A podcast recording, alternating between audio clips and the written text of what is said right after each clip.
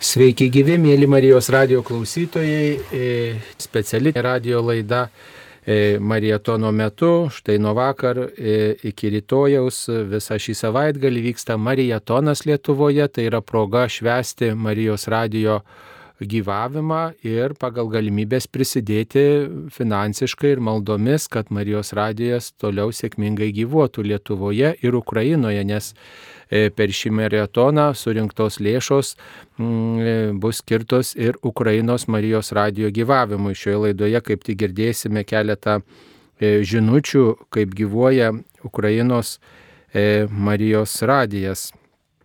O šioje laidoje dalyvauja Marijos radio prezidentė Gidė Vaicekauskenė, taip pat Marijos radio savanorius, prelatas Vytautas Steponas Vaičiūnas ir taip pat Marijos radio savanoris Vincentas Vobolevičius. Sveiki gyvi garbėzui Kristui. Ramžas amen.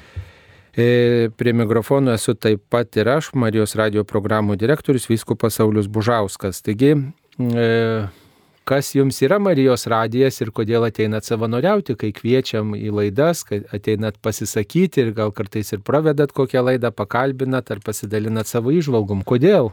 Ačiū už galimybę kalbėti pirmam. Iš tiesų visada džiaugsmingai ateinu į Marijos radiją, kai būnu kviečiamas. Atrodo, paskutinį kartą dar netaip seniai ir buvau. Um, ir iš tiesų visų pirma pasakysiu Marijos radijo svarbą man kaip klausytojui. Um, mes aplinkui dabar girdim labai daug triukšmo. Ir ne tik tai to primityvaus triukšmo, kurį girdim įsijungia į vairias muzikinės programas, bet ir to taip vadinamo intelektualaus triukšmo, kai klausai politinių rėtinų, klausai visokių siauba keliančių prognozių, kurios dažnai nėra įsipildančios ir yra skirtos tik tai generuoti susijaudinimą ir dėl to, kad žmonės spaustų taip vadinamus laikus ir atsidarytų puslapius internetinius.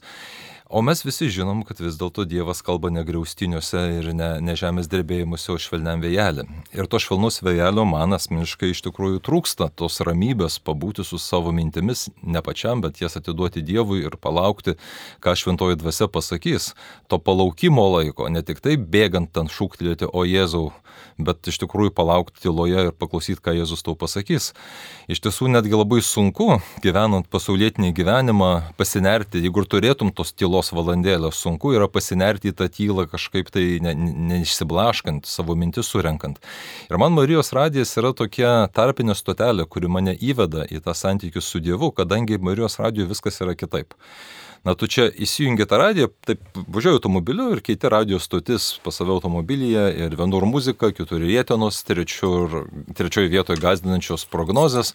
Įsijungi Marijos radijo, čia rožinis. Ir dar rožinį kalba ne 25 metų ištreniruoto balsų žurnalistė, o kalba kunigas ir labai įvairaus amžiaus, labai marga publika, aiškiai nerežisuota, aiškiai neglamūrinta, aiškiai ne, nenuredaguota, o tokia autentiška.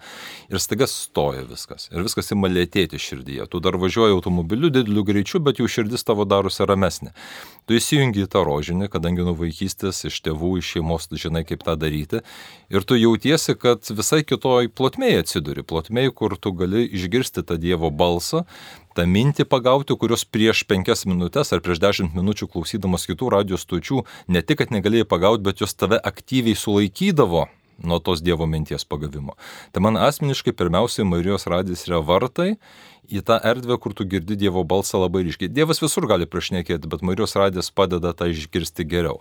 Kitas dalykas tai yra, man kaip politologui, Marijos radijas yra tikrai labai reikšminga mūsų Lietuvos valstybės demokratijos dalis, kadangi norint turėti demokratiją, neužtenka turėti įstatymų, kurie leidžia turėti nuomonę, turėti įvairovę nuomonių šalyje, reikia turėti, kas tą nuomonę išreiškia. Ir kaip jau minėjau, Marijos radijas yra kitoks, jo pamatinės prielaidos apie tai, kas yra doras gyvenimas ir kas yra dora visuomenė, ir apskritai, kad yra toks dalykas kaip dora visuomenė, o ne tik tai vertybių mišrainė yra visiškai kitokios ir kol mes turime Marijos radiją, tol jausmas yra, kad mes galim puoselėti tą alternatyvę visuomenės viziją, kuri paskesta kitų transliuotojų e, garsuose. Ir dėl to labai labai svarbus radijas kaip po vieta, forpostas kitokios minties, katalikiškos minties, kurios taip labai reikia visuomeniai. Ir savai mes suprantama dėl to poreikis mums visiems, skaitant mane, savanoriauti ir paremti. Minėjote apie tuos balsus, kai girdite, aš tai važiuodamas besimeldžiančius balsus, čia dėl tų balsų retkarčiais kyla ir tam tikros diskusijos, gal po tokių kitų radijos stočių, kur tas balsas labai jau toksai subtilus, švelnus ir, kaip sakoma, viskas nugludinta ir kai meldžiasi žmonės, jie minėjote įvairiais balsais tą daro ir ar tai nėra toks kartais susierzinimas, nu kodėl dabar nėra tas balsas, kaip sakant, sušukuotas kabutėse, nu, surėžimas surežisuotas ir, ir parinktas tas tinkamas tos maldininkas, o štai toks ar vyresnis žmogus kalba, ar, ar tas balsas gal kartais toks ir nėra mielas, visokių tų balsų yra ir ne visi tokie e, radio eteriui tinkami balsai, ne, kaip kas kiti žmonės e, taip pasako. E, ką apie tai pasakytumėte, ar va, tas maldos metu gal vyresnio žmogaus balsas, ar kažkoks kirtis neten padėtas, ar neerzina jūsų? Manęs asmeniškai tikrai neerzina, kaip tik suteikia autentiškumo pojūtį, nes yra labai daug režisuotų, labai daug viešųjų ryšių specialistų nuglūdintų žinučių, o čia tu tikrai matai, kad ta žinutė yra iš širdies ir kad jinai yra galbūt iš kaimo ir kad jinai yra žmogaus, kuris Realiai prisipažinkim, visi mes lietuviai vienai per kitaip iš kaimo. Tavo šaknis tau primena. Ne, ne tą tokią neįsisamonintą siekimybę būti kažkokiu tai miestietiškai vakarietišku ar dar kokiu nors moderniu, o iš ten iš kur tu ateini. Tai aš manau, kad tas dalykas yra gerai. Galbūt kai kuriuos žmonės, kurie ne, nėra pratę prie besimeldžiančio radio, o Marijos radijas tikrai yra pirmiau nekalbantis ir negrojantis, o besimeldžiantis, gali šokiruoti tai, kad geri laikai, tokie vat, laikai, kai žmonės galėtų kur nors klausyti žinias ar kokį nors pasilinksminimo turinį, yra skiriami maldai. Bet aš nebūčiau labai greitas to kritikuoti, kadangi čia klausimas yra, kokia apskritai yra mūsų strategija. Ar mes norim įeiti į visų radijų e, ringą ir ten mušti su kitom radijom, kad atkovoti kažkiek klausytojų tais pačiais įrankiais, kokius jie turi. Ir aš manau, tai yra pralaiminti strategija, nes tas rinkas yra labai prisotintas ir, ir, ir tai apskritai tai tai paneigė misiją Marijos radijo, toks talžymasis su kitomis radijomis. Aš važiavau automobiliu Lenkijoje ir man daug kas Lenkijoje patinka, bet vad klausiau Marijos radijo ir ten, na, jinai mažai skiriasi nuo kitų radijų. Ten buvo labai daug politikos, ekonomikos ir klausai, klausai ir jau truputėlį susimaišai, ar čia klausai Marijos radijo, ar klausai, na gerai, panašių pažiūrų į tavo malonų, bet vis dėlto pasaulietinę radiją. Ir aš manau, kad mūsų strategija yra nekonkuruoti tam segmente, kur ir taip yra daugybė jau besipešančių radijų konkuruojančių, o kaip tik paimti tos žmonės, kurie suprato, kad tenais nėra nei tiesos, nei laimės iki galo ir kad tenais nepasieksi to, ko širdis trokšta. Vat toks žmogus, kuris galiausiai jau prisisotinės yra, viso to triukšmo. Galbūt jį, aš tikiu, kad jį tas rožinis gali patraukti, kadangi jis yra radikaliai kitoks negu tai, kas yra kitoje pusėje. Dėl to čia žinoma technikos reikalai, kaip tos balsus šlifuoti ar nešlifuoti, kaip e, derinti procentą informacinių ir maldos laidų, bet aš manau, kad maldos laidos yra super svarbios, nes jos paima tą segmentą, kuris yra pasiruošęs ateiti. Paprastai marietonas e, skirtas e, svarstyti apie Marijos radijo ir pasidalinti mintimis, kodėl verta tą Marijos radiją toliau palaikyti, prisidėti. Ir toks būtų klausimas apie solidarumą ir dosnumą, apie tą rėmimo poreikį, galimybės. E, gal šiais laikais, kai prašo įvairių žmonės, įvairių paramų, mūsų tas prašymas nuskesta toj prašančiųjų jūroje ir sako, tai visi prašo maždaug, tai jūs irgi galvokit kitų gal būdų ar panašiai, e, ar tas balsas dar pasiekia žmonės, kaip jūs manot? Aš esu tikras, kad pasiekia tuos, kuriuos reikia pasiekti. E, iš tiesų, žmonės yra bombarduojami paramos prašymais ir reikia atsirinkti. Tačiau aš galvoju, kad e, žmogus, kuris reguliariai klauso Marijos radijo, kuris kalba rožinį kartu su Marijos radiju, kuris mišes klauso kasdieną Marijos radijui, manau, supranta, kad vis dėlto jam ar jai šitas radijas yra labai svarbus. Ir nors yra daugybė kilnių, ir tikrai kilnių vietų, organizacijų, kurios reikėtų paremti, žmogus, kuris Marijos radijo kūriamų gėrių reguliariai naudojasi, aš manau, išgirsta, pirmiausia, nes klauso ir supranta, kad tą gėrį reikia paremti. Nors šitas klausimas yra, manau, daugiau pavojingas. Žmonės išgirsta, žmonės supranta, kad su Marijos radiju gerai, bet yra ta netgi ir žaidimų teorijoje gerai aprašyta e, problema, taip vadinama kalinio problema. Jeigu aš pateiksiu pinigus ar kažkokią kitą paramą Marijos radijui, aš jį klausysiu kaip ir klausęs ir būsiu keliais eurais biednesnis. O jeigu neduosiu kelių eurų, aš jį taip pat klausysiu kaip klausęs ir turėsiu kelius eurus kišeniai. Jeigu visi taip galvos, dienos gale nebus Marijos radijo. Jeigu visi rinkėjai taip galvos, dienos gale arba rinkimai neįvyks, arba nubalsuos labai mažo žmonių grupė ir išrinks, na, nebūtinai visiems ar daugumai priimtiną kandidatą. A, taigi čia yra moralinis pirmiausia klausimas. Jisai nėra kažkoks toks vat, techniškai išsprendžiamas. Jeigu naudojasi bendrų gėrių, privalai prie jo prisidėti, netgi jeigu tavo prisidėjimas kuklus šiuo momentu ir nelėmė kažkokio esminio pokyčio. Vat, aš daviau pinigų ir buvo įrengta nauja studija. Ne, ne apie tai. Aš daviau kuklų pinigą ir tas pinigas prisidėjo prie daugybės kitų kuklių pinigų ir tada buvo įrengta nauja studija. Tai yra labai labai moralinis svarbus klausimas. Ir jisai ne tik tai Marijos radijos, apskritai visuomenės gyvavimo pamatinis klausimas, nes jeigu mes žiūrėsim kaip individualistai, kurie žiūri savo kišenę, tai ne tik Marijos radijo, bet ir infrastruktūros, ir saugumo, ir daugybės kitų tų gėrių nebebus. Dėl to kaip katalikai mes privalom save treniruoti. Ir čia iš tikrųjų yra krikščionybės didysis indėlis, kad žmonės bendradarbiauja, žmonės savo tos eurus, skatikus, talentus suneša į bendrą krūvą ne dėl to, kad stovi policininkas, ne dėl to, kad būtinai išskaičiuoja greitą naudą, o dėl to, kad jaučia vidinį balsą pareigos balsą, moralinį imperatyvą prisidėti. Tai aš manau, čia yra tam tikra prasme testas tiem žmonėm, kurie reguliariai klauso Marijos radiją, patikrinti savo moralinę kokybę. Ir moralinę kokybę, sakytų, prisidėti reikia.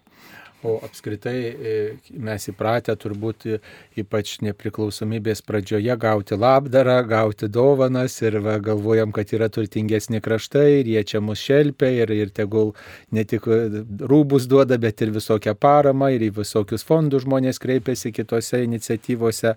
E, mes galbūt ir įpratom pagalvoti, taip svarstyti, kad tegul kiti turtingesni palaiko ar Lietuvoje jau įsivysto tas toks svarstymas, mentalitetas toks, kad va, tas iniciatyvas, kurios čia vyksta Lietuvoje, kurios mums skirtos, kad mes patys turim jas ir išlaikyti, prisidėti prie jų gyvavimo. Ar tikrai žmonės įprato va, aukoti, dalintis ir, ir palaikyti na, tai, kas yra jų nuomonė gera, vertinga. Aš tikslių skaičių dabar neturiu, tačiau man atrodo, kad e, labai priklauso atsakymas į jūsų klausimą nuo turinio to projekto, prie kurio žmonės ir kviečiami prisidėti. Štai žiūrėkime, kai prasidėjo e, karas Ukrainoje, kai Rusija užpuolė, tai žmonės labai masiškai ir geranoriškai atvėrė ne tik piniginės, bet ir savo būstus pabėgėliams ir rėmė visokiais būdais. Tai yra akivaizdu, kad žmonės į tam tikras iniciatyvas labai nori įsijungia. Tačiau, žinoma, yra ir tokių iniciatyvų, kitokių, kurios tikrai negali pasigirti tokių masinių palaikymų. Tačiau vėlgi, e, aš manau, kad mes nebūtinai turim kalbėti apie visus žmonės ir visą Lietuvą kalbėdami apie Marijos radio klausytoją, dėl to, kad yra žmonės, kurie neklauso, yra žmonės, kurie klauso truputėlį, yra žmonės, kurie klauso visą laiką. Ir su kiekviena iš šių žmonių grupė yra kita tikimybė, kad jie prisidės. Tai aš manau, tikimybė žmonių, kurie klauso visą laiką, turėtų būti ir tikiuosi, kad bus labai e, didelė, kad jie prisidės. Tie žmonės, kurie klauso kartais, aš manau, šitas kvietimas prisidėti gali tada jų galvose kirsti su daugybė kitų kvietimų, kuriuos jie girdi ir ta tikimybė bus mažesnė, savame suprantama. Tai labai sunku apibendrinti, sakyti apie visą Lietuvą, bendrai paėmus, jeigu yra ryškus projektas, žmonės prisidės daugiau, jeigu žmonės daugiau naudojasi tuo bendroju gėriu, kuris sukuria jų atnešti pinigai, jie prisidės daugiau. Taip kad toks daugiau niuansuotas požiūris. O beje, šiuo atveju ir, ir, ir kalbam apie tą pačią Ukrainą, kuriai paramą suteikti, aš manau, lietuviams šiuo metu, nors ir jau ilgai tęsiasi karas, nors ir jau galbūt šiek tiek yra prasidėjęs tas nuovargio jausmas kai kuriems žmonėms, tačiau vis dėlto tai yra tas karas, su kuriuo mes labai identifikuojamės, ukrainiečiai labai, e, ukrainiečiai katalikai labai primena mus 90-aisiais metais ir vėlesniais metais, jie yra mūsų, galima sakyti, ir istoriniai broliai, ir kultūriškai labai panašus. Ir dėl to manau, kad tas taip pat paskatins žmonės nesijausti, kad jie čia vat, kažkur išmeta pinigus, vat, mes patys vargšai, mums reikia patiems labdaros. Aš manau, kad šiuo atveju tas argumentas ne, nebus toksai žalingas. Taip, tai mes e, solidariai išgyvenam tokią bendrystę ir su Marijos radio klausytojais, apie juos galvojam ir e, svarstom, kas jiems būtų įdomu, kas jiems būtų svarbu, kas jiems būtų naudinga išgirsti per Marijos radiją. E, kiek vat, svarbus, kaip Jūs manot, Marijos radijo veikloje tas grįžtamasis ryšys, kad vat, mes atsilieptume į klausytojų poreikius, į, į stebėtume tą auditoriją ir vis tas, na, nu, aišku, noras yra, kad kuo įvairesni žmonės klausytųsi, kad kuo daugiau žmonių e, tikėjimo žinia išgirstų, kiek nu, svarbu būtų vat, tyrinėti auditoriją, kaip Jūs manot. O tai absoliučiai, čia yra geros hygienos klausimas pažinoti savo klausytoją. E, tik tai klausimas, su kokiu nusiteikimu mes tą darom. Ar mes pažįstam savo klausytoją dėl to, kad jam pataikauti ir tai būtų labai blogas dalykas, ar tiesiog dėl to, kad geriau, jam patogiau ir primtiniau nešti tą žinią, kurią nešame. Tai tas antrasis variantas turi būti tikslas, nes labai daug uh, žiniasklaidos medijų įvairių klauso ką nori išgirsti klausytojas. Aha, nori skandalų, aha, nori įžymybių ten mėgamojo temų. Prašom. Ir tada tas argumentas, kad reikia įdėti geresnį turinį, keliantį aukštyn, jisai yra labai lengvai nubuksuojamas.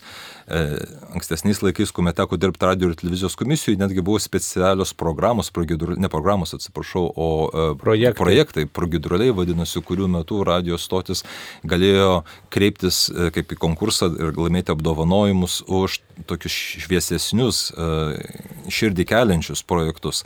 Tai rodo, kaip labai didžioji medija yra nuėjusi paskui tos žemiausius klausytojų bendruosius vardiklius, kad net reikia iš valstybės lėšų skirti prizus toms kelioms laidoms, kurios išsiskiria. Aišku, atsiūsdavo daug laidų ir būdavo daug gražių laidų, nenoriu sakyti, kad viskas yra blogai, bet vis dėlto tendencija yra pataikauti. Tai to Marijos radijui niekada nereikia ir manau, kad nėra, bet pataikavimas skiriasi nuo meilingo atsiliepimo. Ir šiuo atveju pirmas dalykas, aš manau, Marijos radijui tas yra sunkiau negu kitur, dėl to, kad mes turime labai įvairią auditoriją teritorija. Ir miestai, ir kaimai, ir jaunesni, ir vyresni, ir geros veikatos, ir prastesnės veikatos klausytojai. Ir dėl to gaunam greičiausiai, aš mėgstu klausyti Marijos radijos laidas. Viena mano mėgstamų laidų yra šiuo metu paprastai vykstanti klausk drąsiai. Tai man žiauriai patinka tie klausimai, kuriuos jūs tenais gaunate, jie iš visų pusių, visais kampais, nuo aukšto teologinio pilotažo iki daugmaž ten ar tą žvakę šventinti reikia ar nereikia, o ir šitą kaip. Ir jūs atsakote labai profesionaliai, man labai patinka, aš kartais galvoju, o rūpus miltai, aš tai nežinočiau, ką čia pasakyti, nu bet aš ne kunigas. Uh, kita vertus, vat, kaip tave apšaudo labai skirtingų kalibrų ir skirtingų pusių klausimais, pageidavimais, o kodėl taip muzika, o ne naip muzika, tai reikia didelės valios ir tuo pačiu metu brandos atsakyti su meile. Nes kartais aš jūsų vietoj norėčiau sakyti, na baigit jūs čia, mes ir taip gerai darom, ir taip sunkiai dirbam, ką jūs čia dabar. Ir tas atsakymas kad žmogus nepasijustų atstumtas, kad nepasijustų, kad jisai kvailelis atrodo tam, kuris sėdi kitam telefono gale kad jisai yra mylimas su bet kokiu pasiūlymu ir išklausomas. Čia Marijos radijoje, aš manau, yra pirmas dalykas. Jau prieš bet kokius klausytojų tyrimus pasiekti, kad kiekvienas klausytojas, kad ir koks jisai būtų spalvingas vienaip ar kitaip, jaustųsi atėjęs į namus, į šeimą, e, į vietą, kur jisai yra atjaučiamas, e, mylimas ir jeigu reikia, nukreipiamas pas savanorius pakalbėti plačiau. Tai vienas momentas. O dėl tų segmentų, tai savai mes suprantama, reikia žinoti jau vien dėl to, kad, pavyzdžiui, laidas atitinkamai planuoti. Jeigu klauso žmonės, kurie važiuoja į darbus, jeigu tą žinom, tai atitinkamai tuo metu galima pagalvoti, kokį turinį būtų galima jiems skirti. Jeigu klauso vaikus auginančios mamos, kurios yra tam tikrų laikotarpių, tai galbūt tuo metu tą turinį galima būtų nukreipti į jas. Arba maldas, arba, arba kalbantį radiją. Tai čia nu, tokie hygieniniai dalykai savame suprantama turi būti. Na tai kalbant apie mamas ir tuos žmonės, kurie į darbą važiuoja, tai turim galvoj, kad jie ir jaunesni, nes paprastai vyresni žmonės jau automobilių nevairuoja. O tai vis tai būna, aš turiu kaimynų, kuriems link 90 ir dar vairuoja automobilį. Vairuoja ir klauso Marijos radiją. Tikrai kai kurie iš jų klauso. Bet e, mes vis tiek kažkaip svarstam, kad į darbą važiuoja paprastai tokie vidutinio amžiaus žmonės arba teisybė, jaunesni. Teisybė. Ir ką manytumėte apie tuos jaunesnius žmonės? Nes ar, reiškia, tas maldų didelis kiekis tiems jauniems žmonėms nebūna tas suklupimo akmuo, kad jie gal daugiau ir nejungs Marijos radijo, štai išgirdę maldą, kuri galbūt yra tokia monotoniška ar panašiai. Ar kaip čia mums daryti su tais e, jaunesniais žmonėmis, aišku, noras ir auginti auditoriją, kad štai vyresni, jeigu viešpats pasišaukė jiem žinybę, kad jau jie iš dangaus mus globotų, bet norisi kad ir nepritrūktų Marijos radio klausytojų, tai tegul tie jaunesni klausytųsi, kaip juos prakalbinti, kaip juos pagauti. Štai jūs pats auginate didelę e, šeimą ir netrukus va, dukters gimtadienį švesite šiandien. Tikrai. Tai nu, nuoširdžiai sveikinam, ačiū, ačiū. E, kad e, rūpinatės ir, ir tikrai didelis dalykas, kai tėtis rūpinasi savo vaikais ir dalyvauja gimtadienio šventėse. Tai ką apie tą jaunesnę auditoriją galėtume pasakyti, ar čia reikėtų kažkaip specialiai taikyti, ar tiesiog kalbėti apie vertybės ir, žinot, žmogus, kai ateis laikas ir suras. Mm, aš manau, kad e, bendrai paėmus taip, e, nereikia nuklysti e, iš kelio, norint pataikauti. Kita vertus, yra tiesos žodžiuose, kad žmogus, kuris prieš tai negirdėjo Marijos radijo, yra jaunas, veržlus iš prigimties, turi norą judėti, daryti, keisti išgirdęs rožinio maldą, na, jis sakys, čia iš viso kosmosas, čia ne man ir apskritai, kodėl dažnai duodami tokioms keistoms radijoms dar leptelės. Tai yra tas pavojus, kad žmogus tam tikras žmogus, gana dažnai pasitaikantis jaunimo tarpe, išgirdęs Marijos radiją, nesijaus a, patenkintas.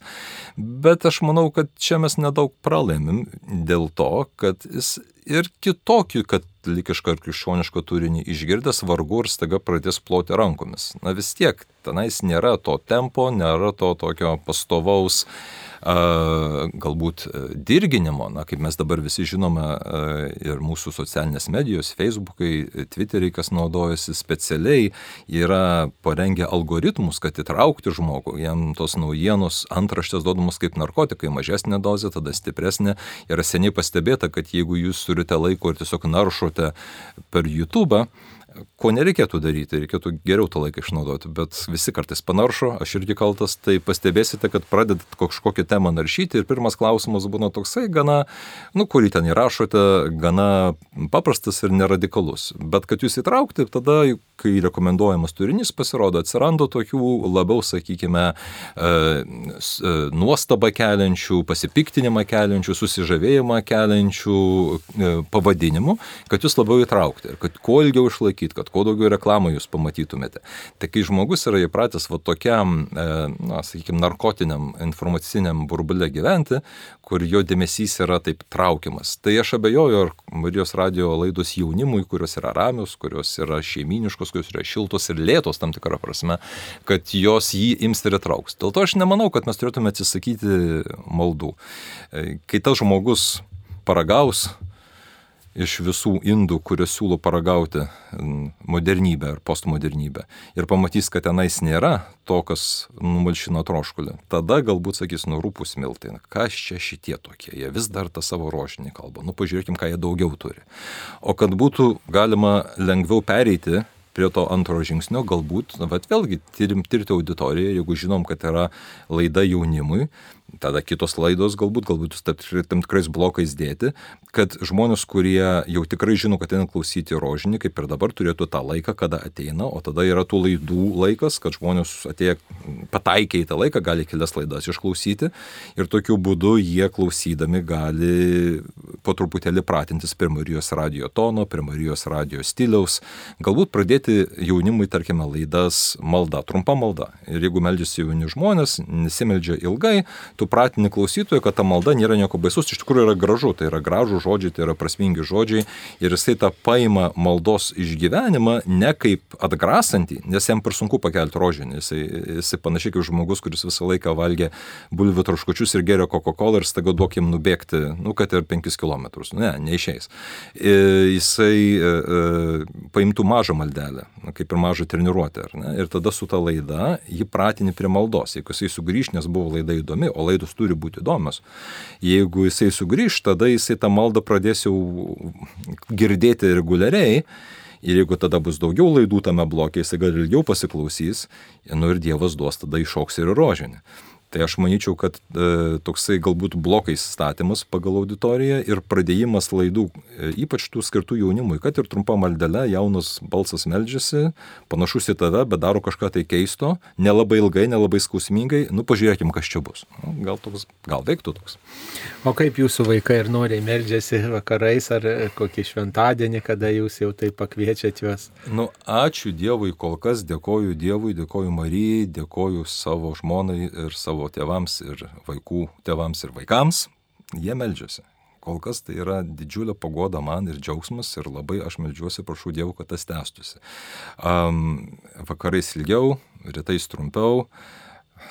Tiesiog kol kas dėkoju Dievui ne, ne, nesu pats vertas, tai nėra mano nuopelnas, bet tai, ką matau, tai kol kas labai tikrai vienas didžiausių džiaugsmų šiam gyvenime kol kas. Kiek vaikų čia auginate? E, dabar ketveris, kaip tik. Keturis vaikus, o vyriausiam kiek? Vyriausiam dešimt, suėjo visai neseniai, vyresnėlį dukrelį, vad kaip tik dabar septyneri, o tada jaunesnį dukrelį keturi su pusė ir pačiam pagrandukui metukai su pusė. Ir įdomiausia, kaip minėjau, du pirmieji gimė gegužės mėnesį, Marijos mėno, o du antrieji gimė spalio mėnesį, taipogi Marijos mėno. Neplanavom, taip gavosi. Na nu, tai ačiū Dievui, kad e, dar pats didis džiaugsmas dabar, kad katalikiškoji šeimoje vaikai auga ir turi gražų pavyzdį tėvų ir senelių. Ir ačiū Dievui, kad, e, kad tikrai vat, tokios geros e, šaknys, tokie geri pamatai ir tai yra toksai didelis kreditas ateičiai turbūt, ar ne? Labai tikiuosi, Dieve daug. Bet paauglystė turbūt savo iššūkius atneša. Taigi, mėly Marijos radio klausytojai, čia speciali Marijatono laida, kalbamės apie Marijos radiją, kalbamės apie galimybę paremti, prisidėti prie Marijos radio gyvavimo, jį visai palaikyti, nes Marijos radijas yra išlaikomas tik jūsų aukų dėka. Taip yra visame pasaulyje, Marijos radijas gyvuoja daugiau kaip 80 šalių ir mm, turime galimybę klausytis Marijos radio įvairiose šalyse, nacionalinė kalba. Ir visose Marijos radijos stotyse yra didelė dalis e, laidų skiriama maldai, e, meldžiamasi rožinio malda, meldžiamasi kitos maldos, taip kaip ir pas mus panašiai. Ir taip pat yra įvairios laidos pagal poreikius, pagal vietinės tradicijas. Ir visas Marijos radijos stotis išlaiko vietiniai žmonės, kurie klausosi Marijos radijo ir kuris jiems yra reikalingas kaip maldos įrankis, kaip tikėjimo įrankis, kaip taikos nešėjas. Ir šio marietono metu surinktų surinktomis aukomis paremsime Marijos radiją Ukrainoje. Netrukus susisieksime su mm, Ukrainos Marijos radijo mm, e, darbuotojais, bus galimybė pasikalbėti. O dabar žodis Marijos radio prezidentė, kaip išgyvena šitą maratoną, kokia nuotaika. Mm, labas rytas, mėly Marijos radio klausytojai.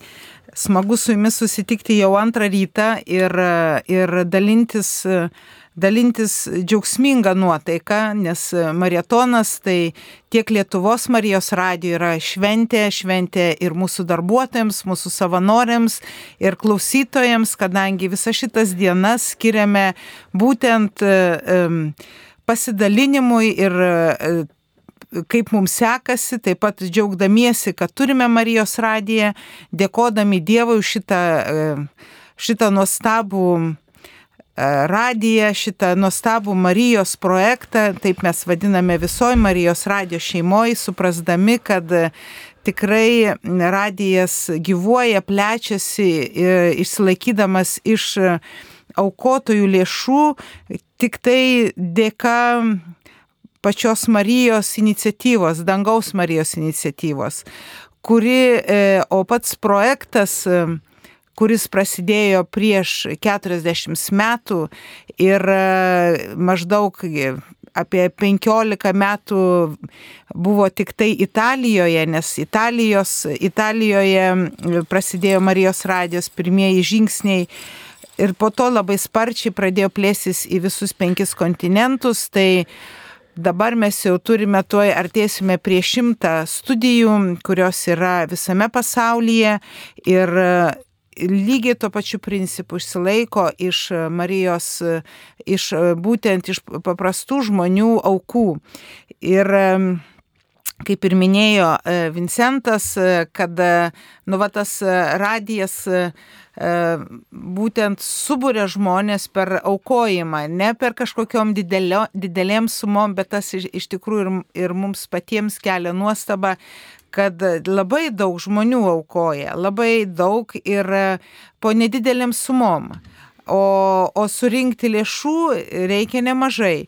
Tai va, tai jų tas dosnumas ir, ir atvirumas ir rūpestis, kad rūpi radijas, kad, nes mes matom, kad žmonėms rūpi per jų aukas, per jų, nes mums kas mėnesį iš tikrųjų nemaža suma reikalinga, kaip ir minėjau praeitą laidą, kad mums reikalinga į mėnesį 60-70 tūkstančių eurų tokia suma. Tai, tai tikrai nėra mažai, bet, nu va, jau mes tuo būsim 20 metų, kaip gyvuojam ir švesim kitais metais 20 metį.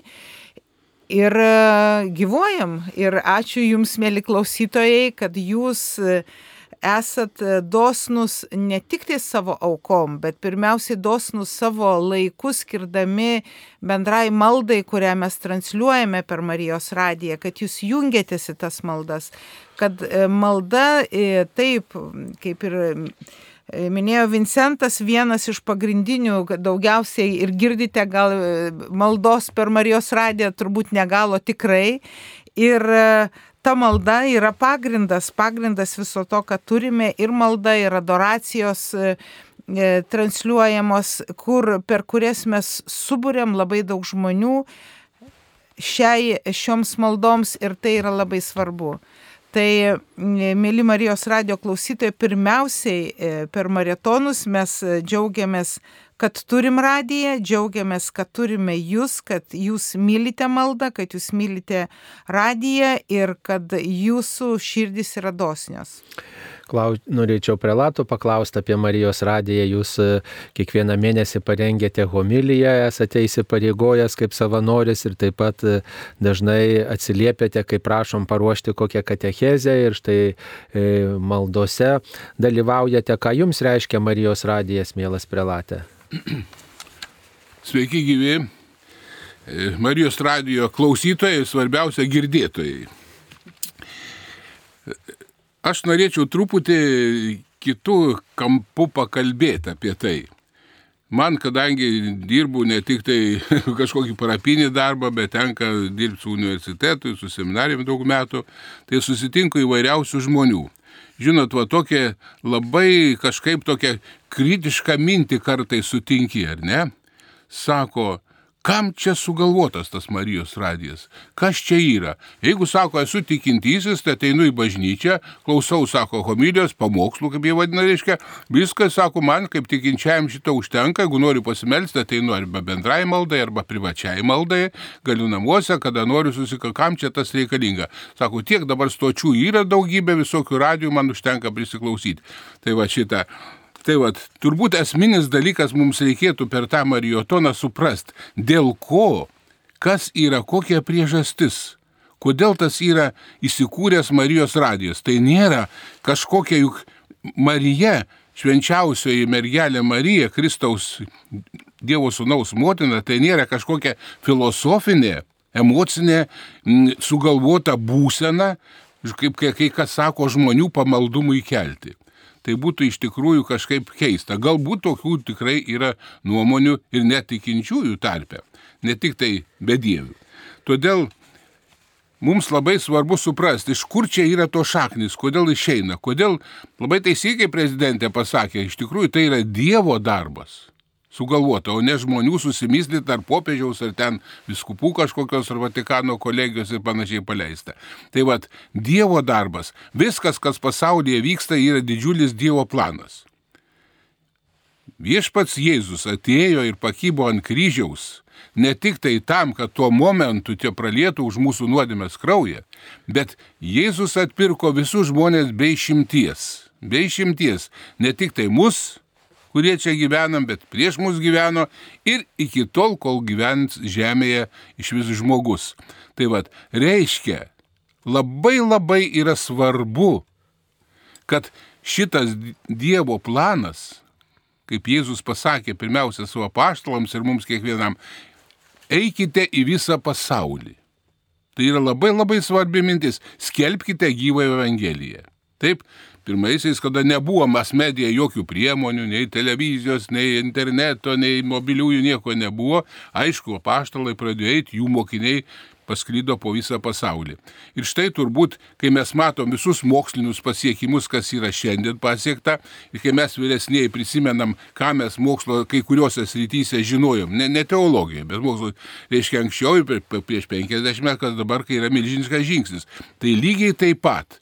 Reiškia, Dievo yra didžiulis noras, kad reiškia, tai, kas vyksta pasaulyje, būtų perduodama religinių atžvilgių, kad kuo daugiau pasiektų tas Dievo žodis. Štai kodėl reikalingos mas medija priemonės. Dabar kodėl švenčiausioji mergelė Marija, kodėl pasirinkta. Jėzus pakibęs ant kryžiaus, žinom švento rašto, tai reiškia, savo motiną atidavė šventam Jonui, sakydamas, štai tavo motina, štai tavo sūnus, Marijai pasakė. Taip, ir reiškia, ta mintis yra teologiniai labai gili, kadangi nuo to momento Dievo motina Marija tapo ne tik tai Jono motina ar ten kažkelių stovinčių po kryžiumi motina, ji bažnyčios kaip tik yra pripažinta kaip viso pasaulio, visos žmonijos motina. Štai turbūt galim įsivaizduoti savo katalikų visą religiją mūsų, jeigu mes, kaip, kaip kurie krikščionys, tai atsiskyrė nuo mūsų, atmeta jūs, taip, ta religija, jeigu būtų tokia buvus nuo pat pradžių, tikrai tokia šalta, filosofinė ir žmogų ir kartais ta tokia tik filosofinė Dievo samprata yra labai svetima. Štai kodėl turbūt kaip mums labai girdėjom gražios šeimos tėvo profesoriaus liūdėjimo, taip, tai vad tikrai turbūt kiekvienas mes galim pasakyti, kas mums yra motina, ar ne gyvenime, motina, svarbiausia. Tai lygiai taip pat, jeigu aš žinau, kad aš turiu savo mamą, savo močiutę, babutę ir taip toliau, taip, lygiai aš suprantu, kas yra mano gyvenime mama. Štai kodėl reiškia Mums tikintiesiems ypatingai motina Marija reikalinga. Žiūrėkit, aplankykim pasaulio ne tik tai tas išgarsintas šventovės, ne mūsų ateikim prie Sopulingos Marijos Kaune ar, ar kitur. Kiekviena bažnyčia turi savo ar tai paveikslą, kažkokią ar tai statulą. Tai nėra dievai padaryti, Marija tai nėra dievaitė. Ji yra, ji yra Jėzaus Kristaus Dievo Sūnaus motina, bet ji yra motina jo ir visos bažnyčios. Todėl ir yra tas didysis noras, kad šitas, reiškia, Dievo žodis plačiau sklistų. Štai kodėl bažnyčia ir kilo ta mintis, kad reiškia kažkokiu ypatingu būdu prisišaukti Dievo motiną.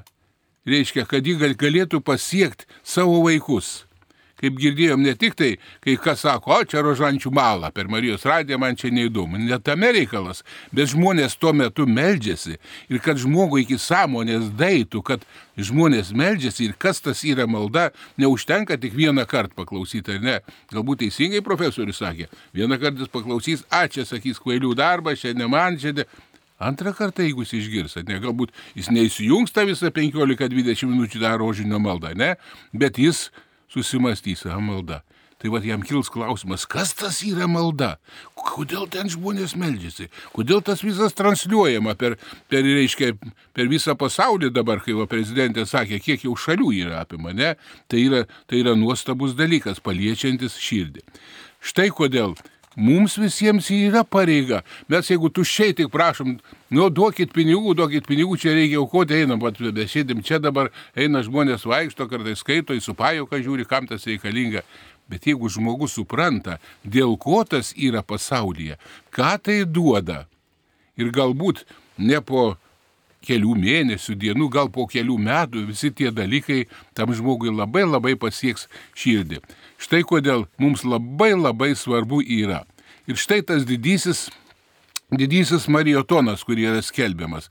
Ne tik tai kažkokia mes jau bagėlė, ne, dabar prašom, duokit kuo daugiau mums pinigų, ne.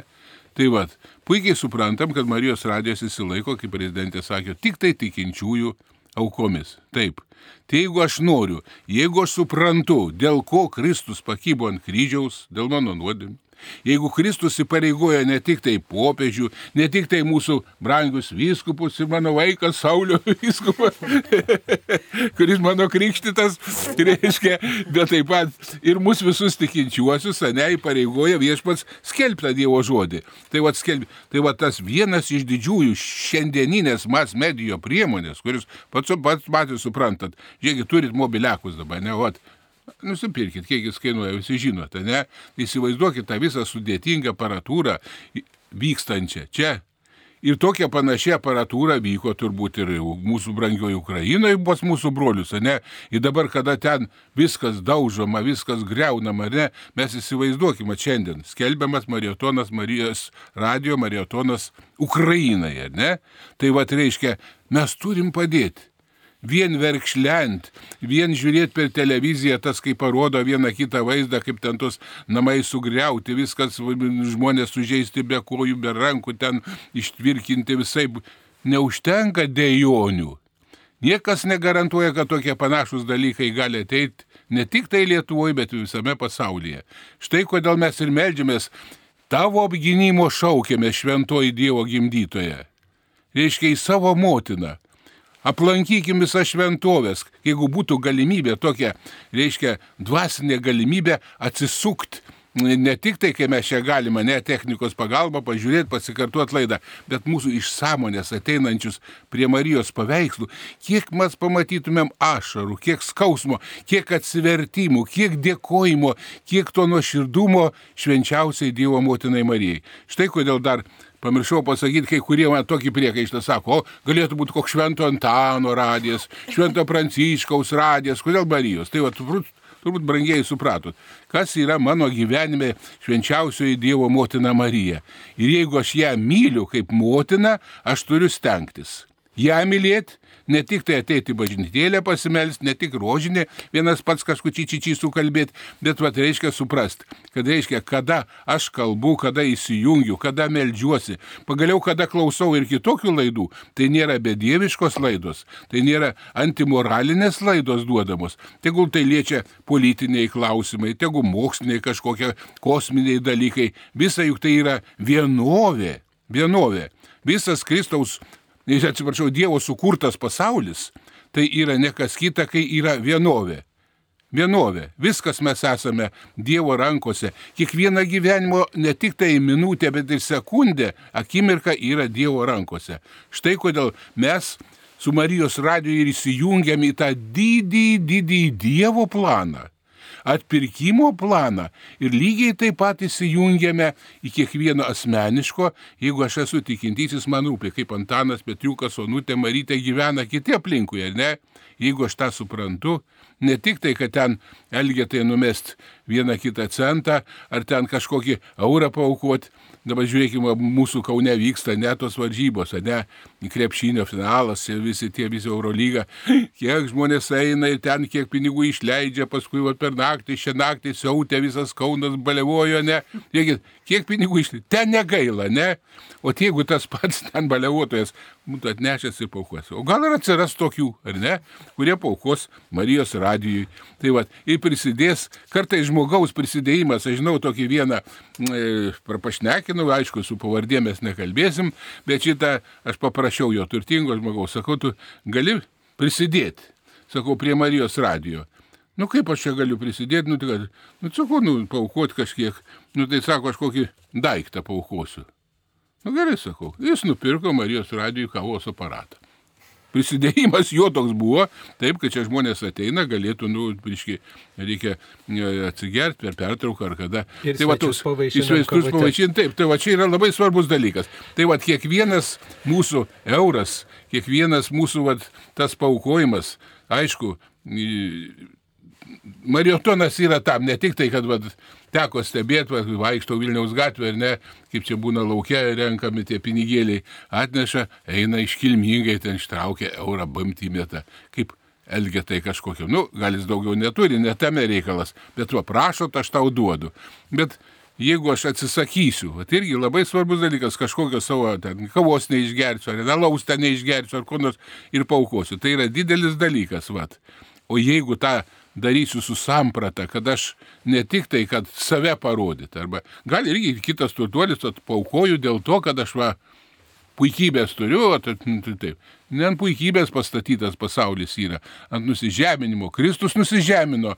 Dievo motina Marija sutikdama būti, reiškia, viešpatės motina nusižemino ir tapo ištikima vis- visą gyvenimą. Tai vad ji nori tą ištikimybę liūdit, o šitą ištikimybę ateina per žmonės. Ta mes gyvenam žemėje, kad mes būtumėm gyvieji Dievo žodžio liudytojai. Ir su motinos Marijos pagalba.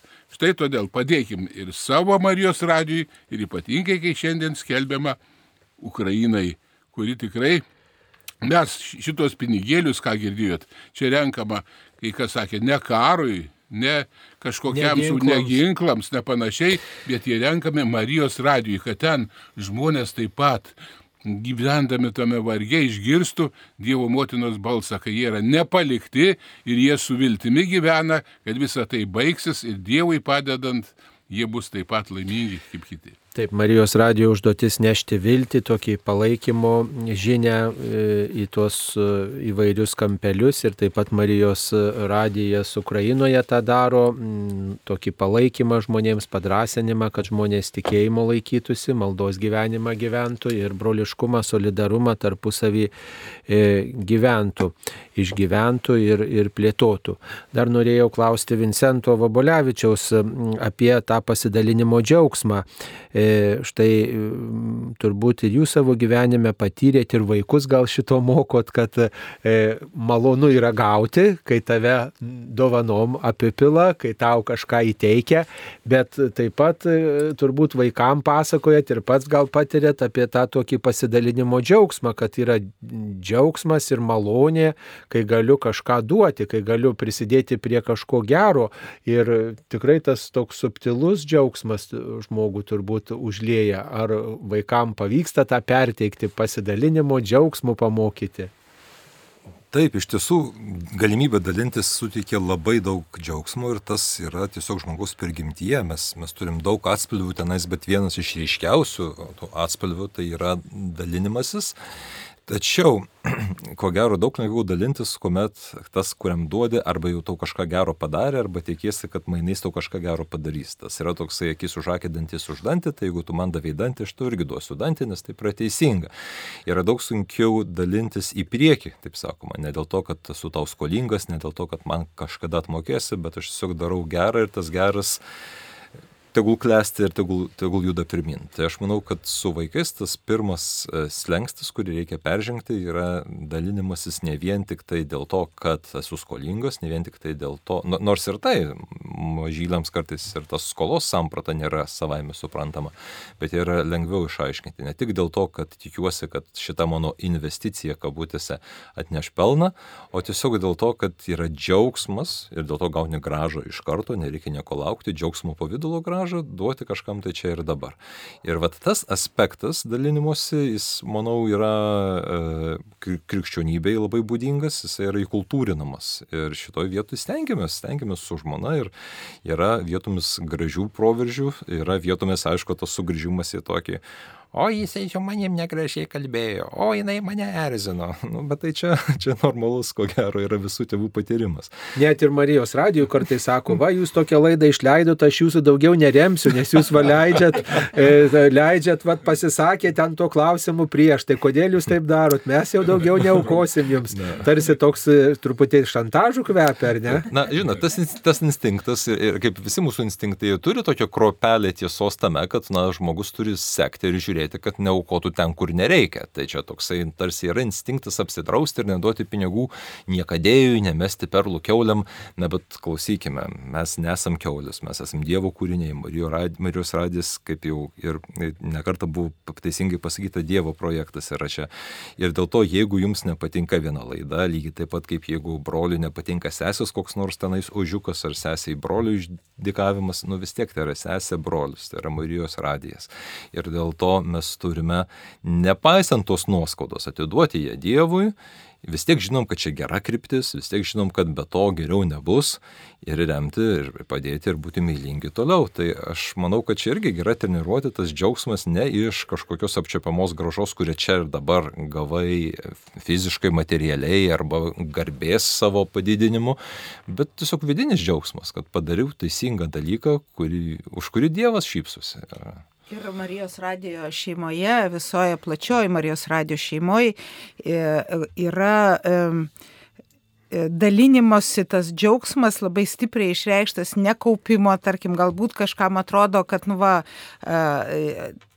kaupia, kaupia, kaupia pinigus ir, ir galbūt nepanaudoja ten gal laiko kažkokios sąskaitose arba, bet radijui, vad kokia yra išimtis Marijos radijoje kad mūsų Marijos radijas Lietuvoje galėjo atsirasti ir gyvuoti e, iš Italijos katalikų paprastų žmonių aukų. Ir mes jų remiami taip gyvavome daugiau negu metus laiko. Ir tai didelės buvo sumos. Ir e, koks galima sakyti, fenomenas Marijos radijo, kad kiekviena šalis Marijos radijo, kur, kur, kur yra įsisteigęs, tarkime, ir mes prieš statant Marijos radijo studiją e, atiduodavom į bendrą tą šeimos katilą dešimtinę, bet jeigu turim daugiau pinigų, vat Latvija įsteigė, kreipiasi į mus, e, e, o mes kiek turime, kokie mūsų finansai, mes dalinamės ir duodam visą informaciją Marijos radio pasauliniai šeimai. Nu, vat jie mato, kad pas mus yra pinigų, mes sakom, kad mes kaupiam statybom, bet tokį laisvai, nu, bet pasižiūrėkit, gal galit padėti Latvijai, jiems ten reikia 15 tūkstančių eurų, e, kad galėtų pradėti veikti. Nu, galvojom, surėmė čia pečius, surinksime mes tuos 15 tūkstančių, jie jau pradėtų nuo kito mėnesio e, transliuoti eterį. Tai ta prasme, kad visoje pasaulinėje Marijos radio šeimoje Jeigu kuris nors radijas turi daugiau pinigų, dosnesni aukotai, o, o šiuo laiku tai išsiskiria italai, nes dauguma projektų, e, dauguma projektų vystomi pasaulyje per italų dosnumą, Tai, e, tai jie nėra kaupiami, va tą aš galiu pasakyti tikrai klausytojams, kad jeigu ir pas mus atkeliautų daugiau pinigėlių, mes be abejo žiūrėtumėm, kaip, ką mums kiek ko reikia, bet nebūtų taip, kad, nu, va dabar pasidėkim juodai dienai, kada nors galbūt išleisime. Neliečiamo Mar... kapitalo investicijų fondą.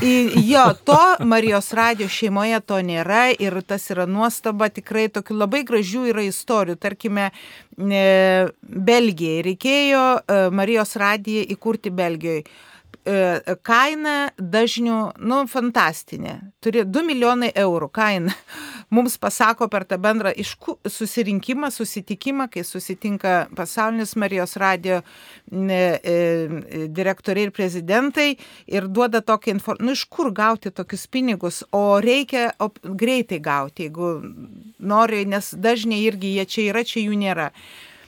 Ir įsivaizduokit, nu, mes jau, e, kaip įsikiša Marija tokioj situacijoje, nes neturime. Jeigu mes atiduotumėm visus pinigus Belgijos, tada nukenčia Afrika, Pietų Amerika ir, nu, būtų labai gaila, bet ir Belgijoje labai gaila, nes žinote, kad Belgijoje yra labai sudėtinga su katalikybė ir Marijos radės ten kaip deguonis reikalingas. Nu, ir įsikiša Marija, vad kaip e, e, jūs gerbiamas prelatas pasakojo apie turtingus ir, ir, ir turtingus aukotojus, ir netokius turtingus, o kaip įdomiai įsikiša Marija.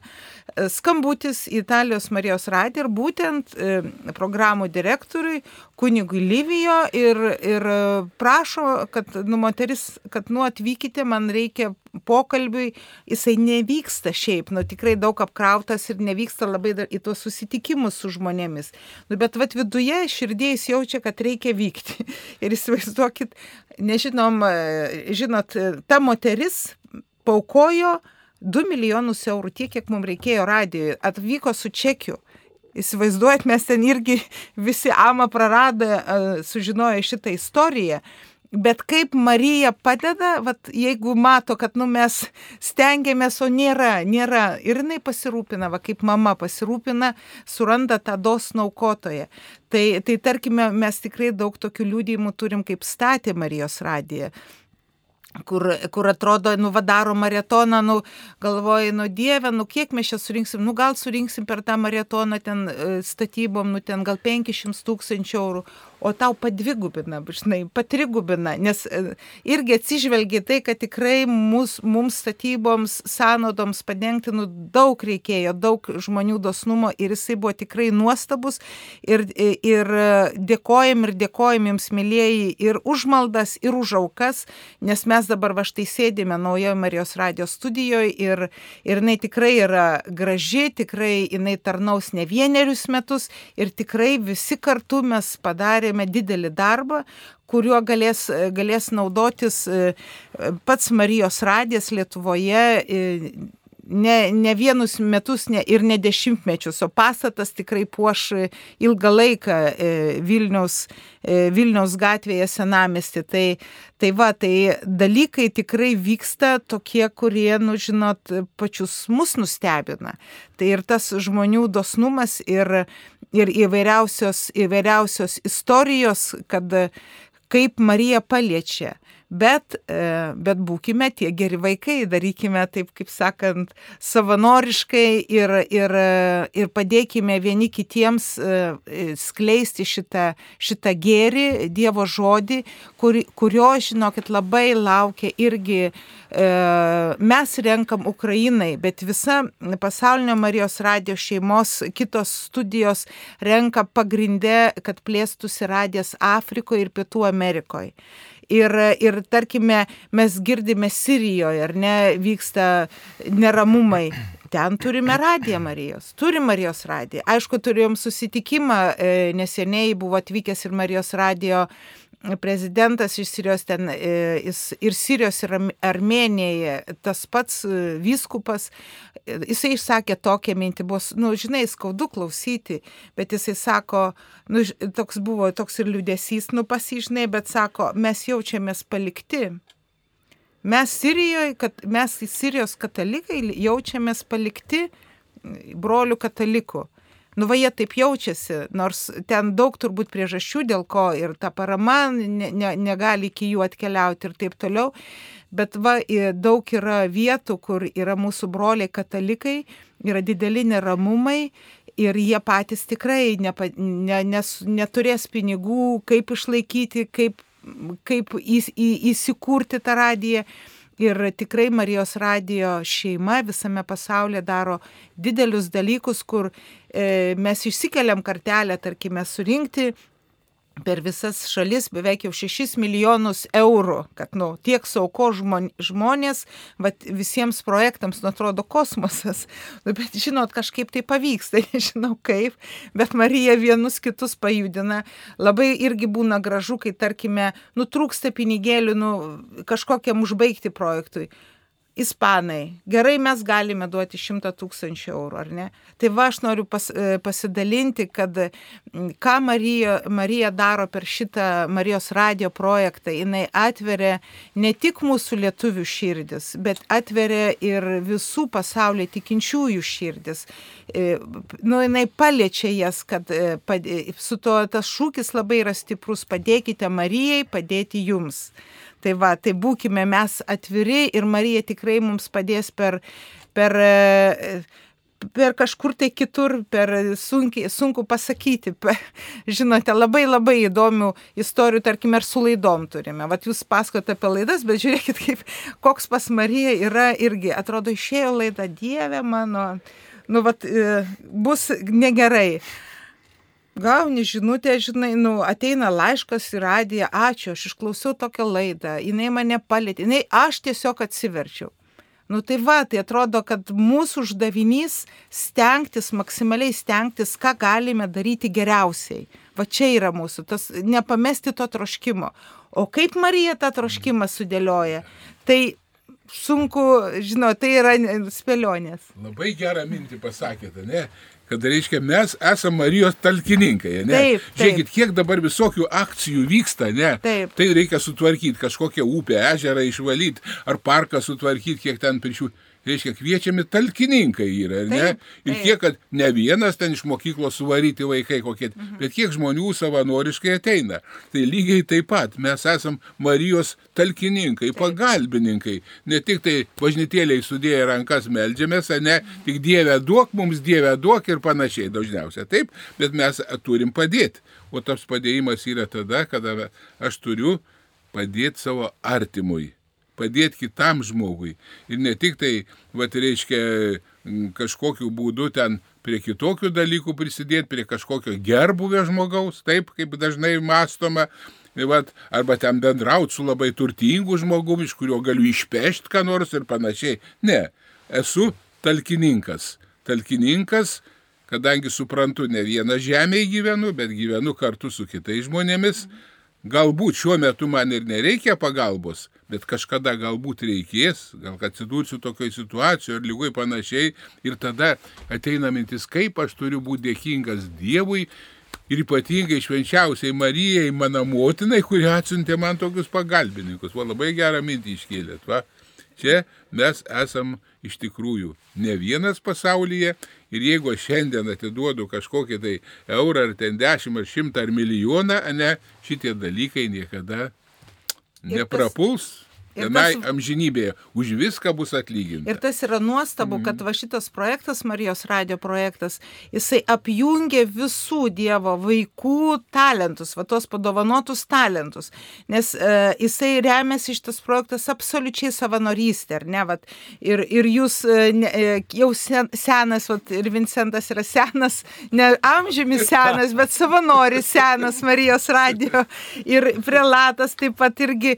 Ir, ir kiek kiek mes turime daug nuostabių savanorių, e, kurie ateina, e, dovanoja savo laiką ir turime nuostabiausių laidų ir, ir tikrai aukšto lygio laidų. Ir, ir tikrai dėkojame e, tiems laidų vedėjams, kurie dovanoja tą laiką, bet kiek turime savanorių, tai jie turi talentą, va tai, tarkime, e, išsilavinimą, tai laidai ar ne, e, paruošti tą laidą, bet kiek turime kitų žmonių su kitais talentais, kurie tarnauja, tarnauja va, ir kiekvieną dieną pasitinka, yra būdėtojų visa grupė, yra transliuotojų savanorių, kurie transliuoja, kurių mes iš vis nei balso negirdim, tik tai jų dėka mes ištransliuojame transliuojame maldas, ištransliuojame adoracijas. E, ir, ir tai yra savanorių vėl būrys vyrų. E, kiek turime savanorių, kurie renka aukas, kur sutinkame bažnyčioje to žmonės vėl jų ta tarnystės tas talentas. Ne, ne kiekvienas sutinka važinėti, aukoti laiką ar sekmadienį ir skirti tam. Tai tikrai labai didelis, didelis ačiū telefonų klausytojų linijoje, kur šnekasi žmonės, skambina ir ten vėl grupė žmonių ap, e, atsiliepia. Toliau laidų taisytojų, juk laidos išeina, bet tas laidas dar reikia patvarkyti. Vėl grupė žmonių. Ir įsivaizduoti, įsivaizduot visų visų talentų sudeda, maldininkų talentus, kiek žmonių yra, kurie toli, radiją girdi savo namuose ir jie įsijungia, jie gali ir po vieną melsis užsukę radiją, bet va, burys, burys e, ir jie melžiasi ir tas yra labai svarbu, nes malda yra pagrindas, ko pasiekoje mes galime daryti kitus darbus ir suprasti Dievo valią, nu, į kur mus veda, kad, kad ir laidos būtų geros, kad laidos pasiektų žmogaus širdį. Ir dabar, va, šiandieną ir šeštadienis vyksta adoracija, prelatas išstatė švenčiausiai ir, ir adoruoja žmogus, irgi susidarusi pagal sąrašą, ateina vienas kitą keičia ir, ir prašau, kiek apjungta žmonių, tai jeigu mums pasižiūrėti, kiek pas mus va taip yra savanorių, kuriuos mes, na, nu, žinom, matom, tai yra daug, per 300 bus žmonių, jeigu va taip suskaičiuotumėm, nors jie vienas su kitu, nu, susitinka per padėko šventės, kurias jau kaip sakyt, vėl reiks turbūt atnaujinti, kol statėm, tai ir pandemija e, per daug neleido tą daryti. Bet va, o, o kiek dar yra tų, kurių, e, kurių nematom, bet savo maldą palaiko, arba mes gauname pinigėlius irgi daug pavedimų atsiunčia žmonės, kur. Tai va, tai tikrai, tikrai didelis, didelis džiaugsmas ir didelis ačiū už, už, už Marijai ačiū šitą projektą, o mūsų ką užduotis padėkime Marijai padėti mums. Tai vad.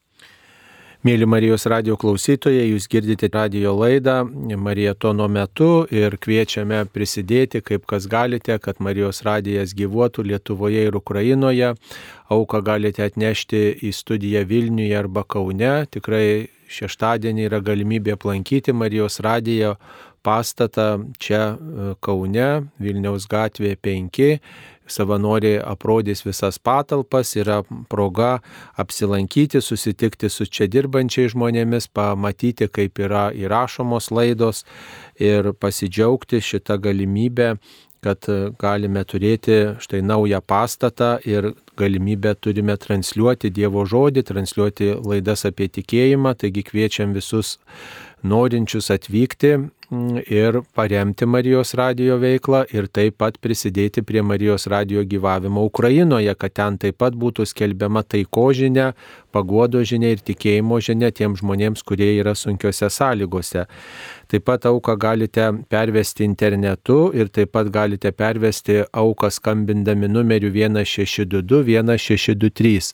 Ir čia tokia ir skambut, tokia žinutė turime ir visa auka aukojant telefonu atitenka Marijos radijui. Dalis aukos e, tenka e, tam operatoriui mobiliosios, e, mobil, mob, reiškia, mobilaus telefono operatoriui, kuris štai administruoja tą paslaugą ten keliolika centų. Tai taip yra turbūt su visomis tom aukomis ir kiti, kur renka panašių principų aukas kitiem projektam, tai ir mes laikomės tos pačios taisyklės ir, kaip sakant, dalį jūsų aukos skiriame už administravimą tos visos paslaugos. Taigi ačiū, kad jūs esate supratingi, bet didžioji aukos dalis atitenka Marijos radijui.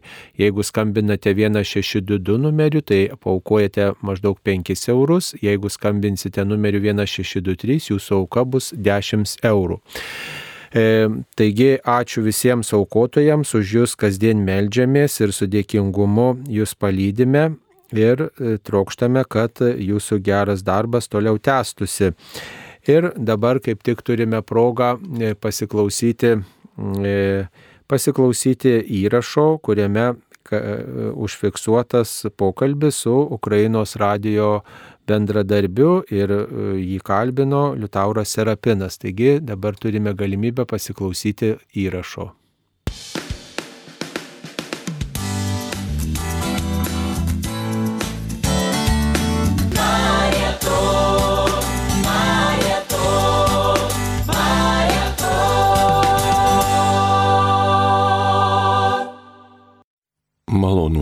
Marijos radio klausytojai, kviečiame jūs pasiklausyti laidos, kurioje į Lietuvos Marijos radio klausytojus kreipsis Ukrainos Marijos radio direktorius kunigas Aleksėjus Samsonovas.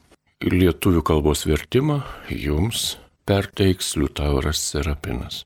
Garbėzui Kristui gerbiamas kunigė Aleksėjų, sveikiname jūs iš Lietuvos Ir norime išgirsti vieną kitą žodį apie tai, kuo gyvena Marijos radijas Kieve, Ukrainoje, kokie darbai, kokie iššūkiai, kokios godos.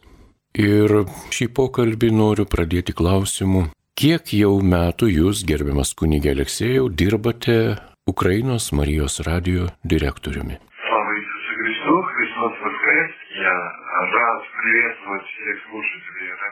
Garbėjai Jėzui Kristui, aš labai džiaugiuosi galėdamas pasveikinti Marijos radio klausytojus Lietuvoje. Jeigu gerai pamenu, tai jau 14 metų, gana ilgai, aš dirbu Marijos radio direktoriumi Ukrainoje.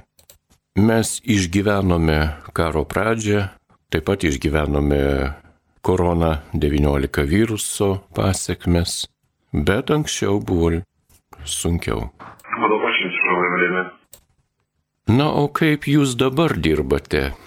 Мы, мы работаем, и мы никогда не, не останавливали работу Радио Марии. Mes dirbame ir niekada nesustabdėme Marijos radio Kijeve veiklos. Na ir ačiū Dievui, šiuo metu dirbame.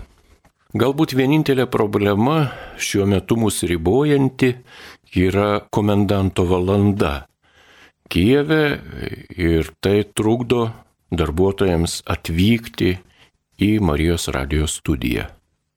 Nuo 12 val. iki 5 ryto mes turime pasilikti Negalime išvykti į studijos, nes niekas ir negali atvykti ir jeigu yra tiesioginiai e, transliavimai, tai žmonės iš anksto pasilieka arba paruošiame įrašus savo kunigų taip pat klausėme, kaip suprasti, kaip priimti karą.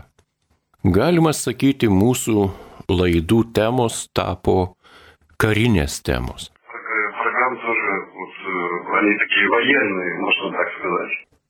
Jūsų pasakojimas apie programą mums skamba gana keistai, nes mūsų radijuje Lietuvoje e, kariai, kariškiai dalyvauja labai retai. Apie ką kalba kariai radio laidose?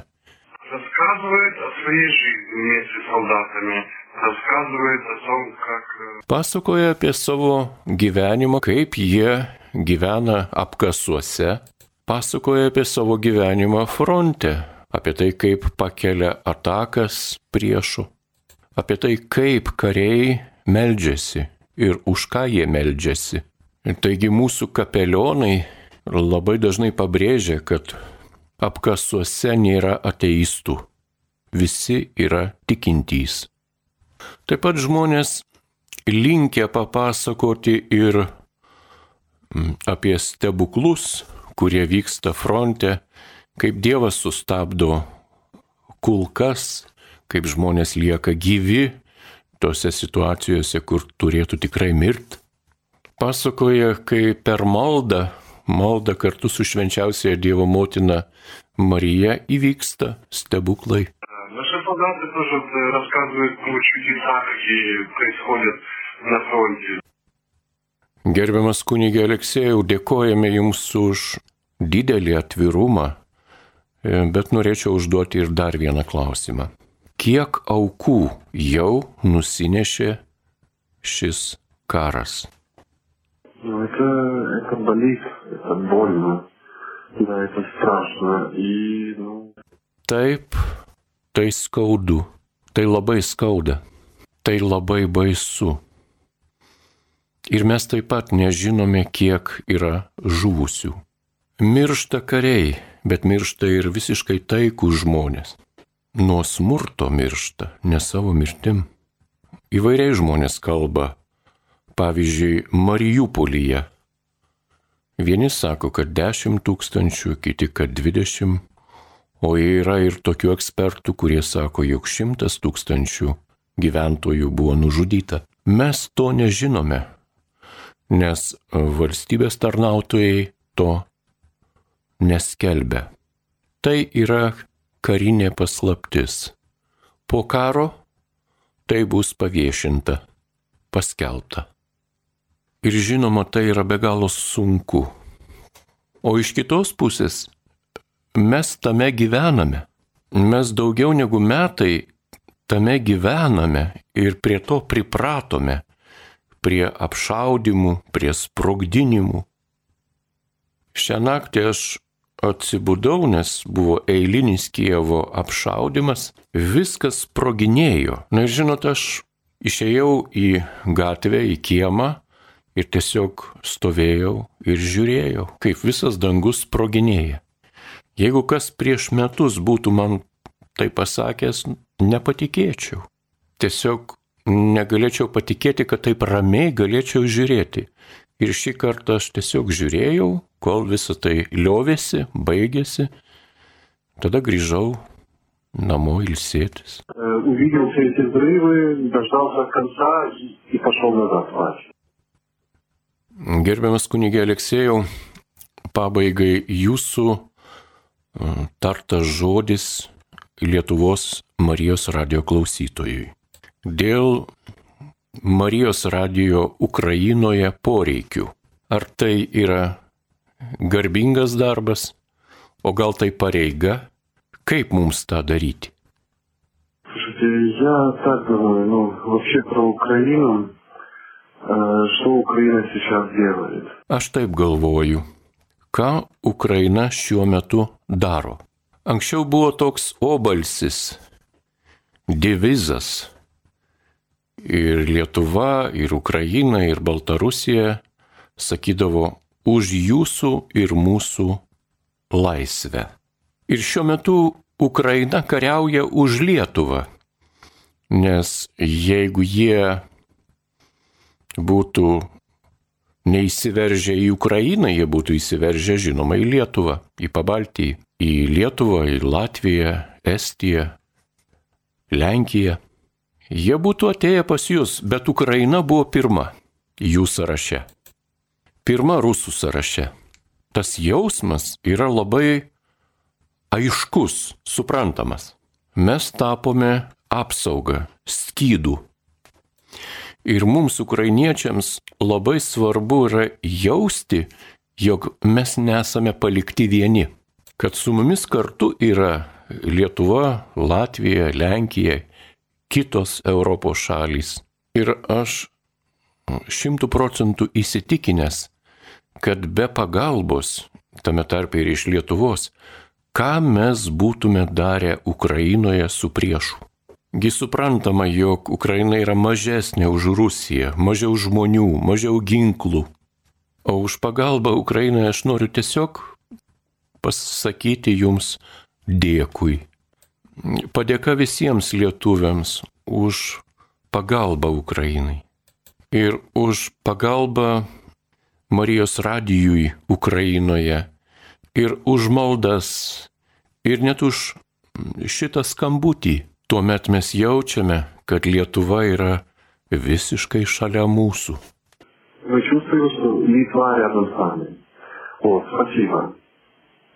Ačiū. Dėkojame Jums, kunigė Aleksėjai, ir mes norime paprašyti Jūsų palaiminimo tiems, kurie šiuo metu prie radio imtuvų klausėsi Jūsų žodžių. Пусть благословит вас Бог Всемогущий, Отец, Сын и Святой Дух, Святой Дух. Аминь. Amen. Malonus Marijos radio klausytojai, šią valandėlę su jumis bendravo Ukrainos Marijos radio direktorius kunigas Aleksej Samsonov. Vertimą darė ir klausimus uždavė Liutauras Serapinas, ragindamas jūs likti ir toliau neabejingais ir drąsiais, remiant Marijos radio veiklą Ukrainoje.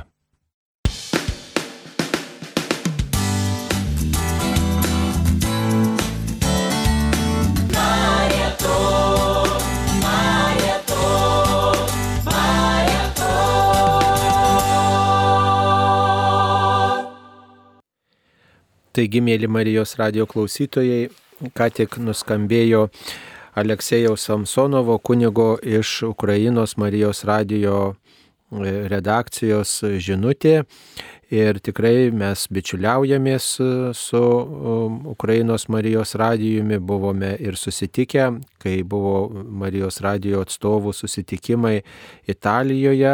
E, tikrai teko džiaugsmas e, bendrauti su kunigu ir patirti e, tą visą tikrovę, kurią jie išgyvena, perteikė gyvai tuos nerimo, ir baimės to, tos akimirksnius mums savo, savo kalbomis. Ir aišku sunku žodžiais tą viską perteikti, tačiau e, neša vilti žmogus ten, kur dirba ir kad ir sunkiomis sąlygomis tenka darbuotis, bet e, nenustoja ištikimai ir kantriai tarnavęs Dievui, bažnyčiai ir žmonėms.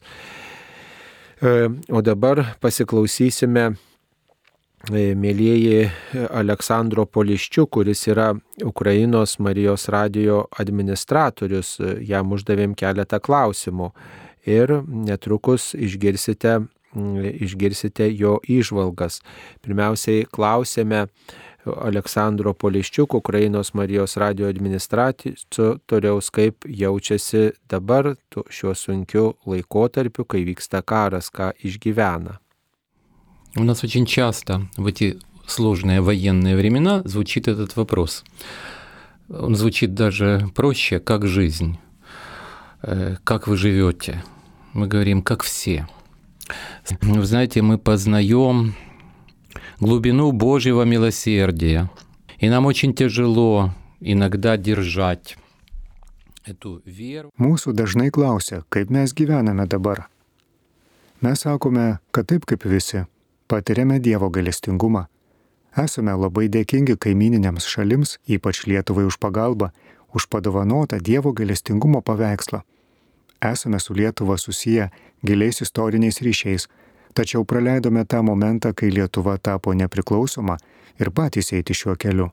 Dabar už tai susimokame šiuo baisiu karu ir tikimės, kad ši istorinė klaida bus ištaisyta Kaip mes jaučiamės patirdami nuolatinius apšaudimus, netektis, žinodami, kad iš Ukrainos buvo priversti išvykti 10 milijonų žmonių, kad dešimties metų berniukas po sprogimų nakties pražilo, kad mažai mergaitė iš siaubo plyšo širdis, kad mūsų vaikai grobiami ir išvežami.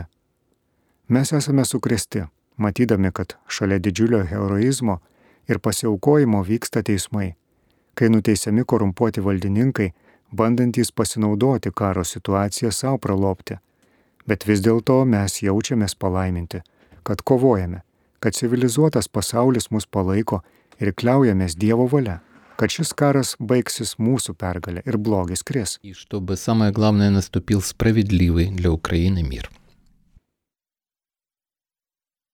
Taip pat Ukrainos Marijos radio administratoriaus paklausėme, o kaip dabar laikosi Украиnos Marijos radijas, kai vyksta карас.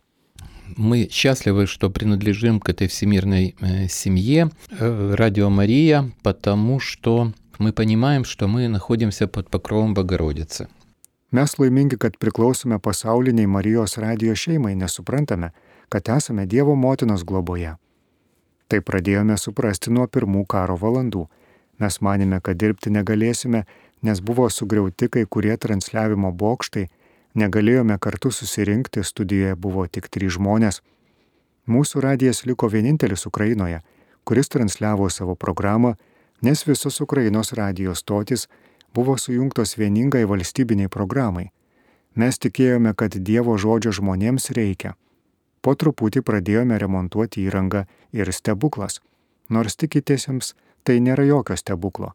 Dievo motina pasirūpino, kad atsikurtų visi dažniai.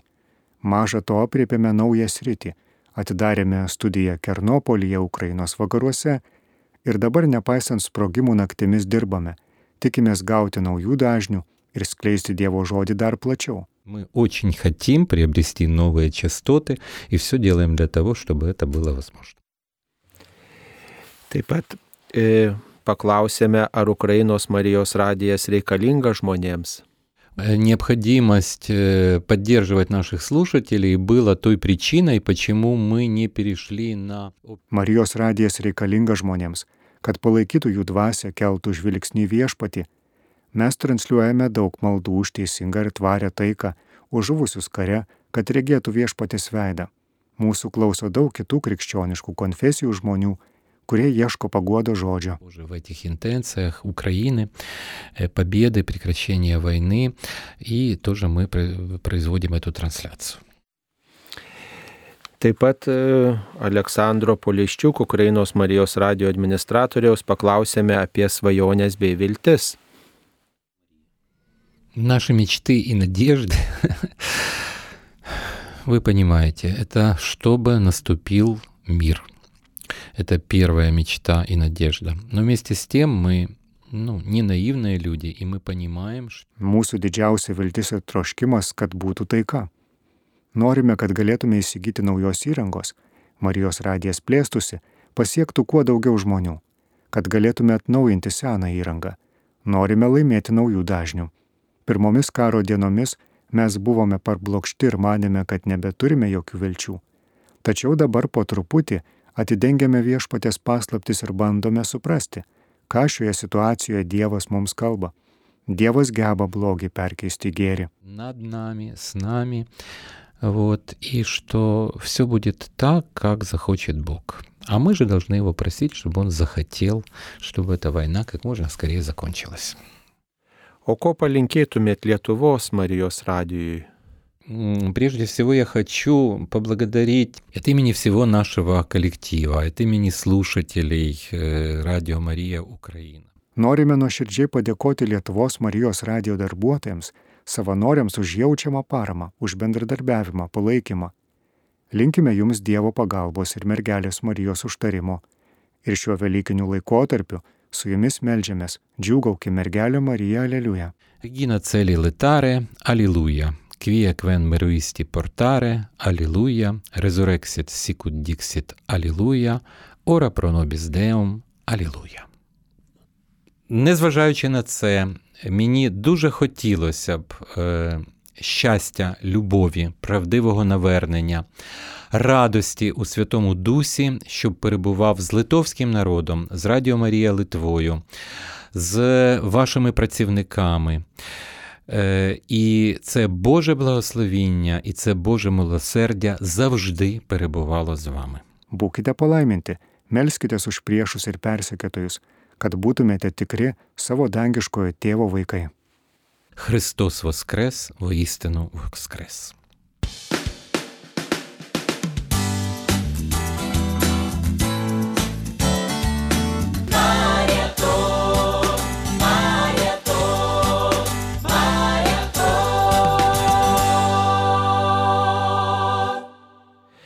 Taigi, mėly Marijos radio klausytojai, jūs girdėjote pokalbį su Aleksandru Poliščiuk, Ukrainos Marijos radio administratoriumi.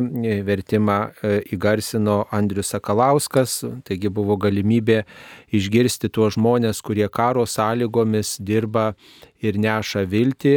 Linkime Marijos radio Ukrainoje teisingos taikos, linkime ramybės, tikėjimo ir sklandžiaus veiklos, kad e, tęstusi Marijos radio veikla ir kad galėtų e, tą paguodo žinę nešti į kiekvienus namus, kurie klauso, ne tik tai tikintis, ne tik tai katalikai, žinom, kad Ukrainoje gyvena įvairių e, krikščioniškų bendruomenių nariai, tai kad neštų tą ramybę, taiką į kiekvienus namus, kiekvienam žmogui. Ir mes kaip tik vakar turėjome galimybę draugę melsti su Ukrainos Marijos radio rožinio malda, taigi palydime nuolat ir prašom, kad e, taika ateitų į pasaulį, taika ateitų į Ukrainą, kur tikrai žmonės žūsta ir patiria prievartą, smurtą.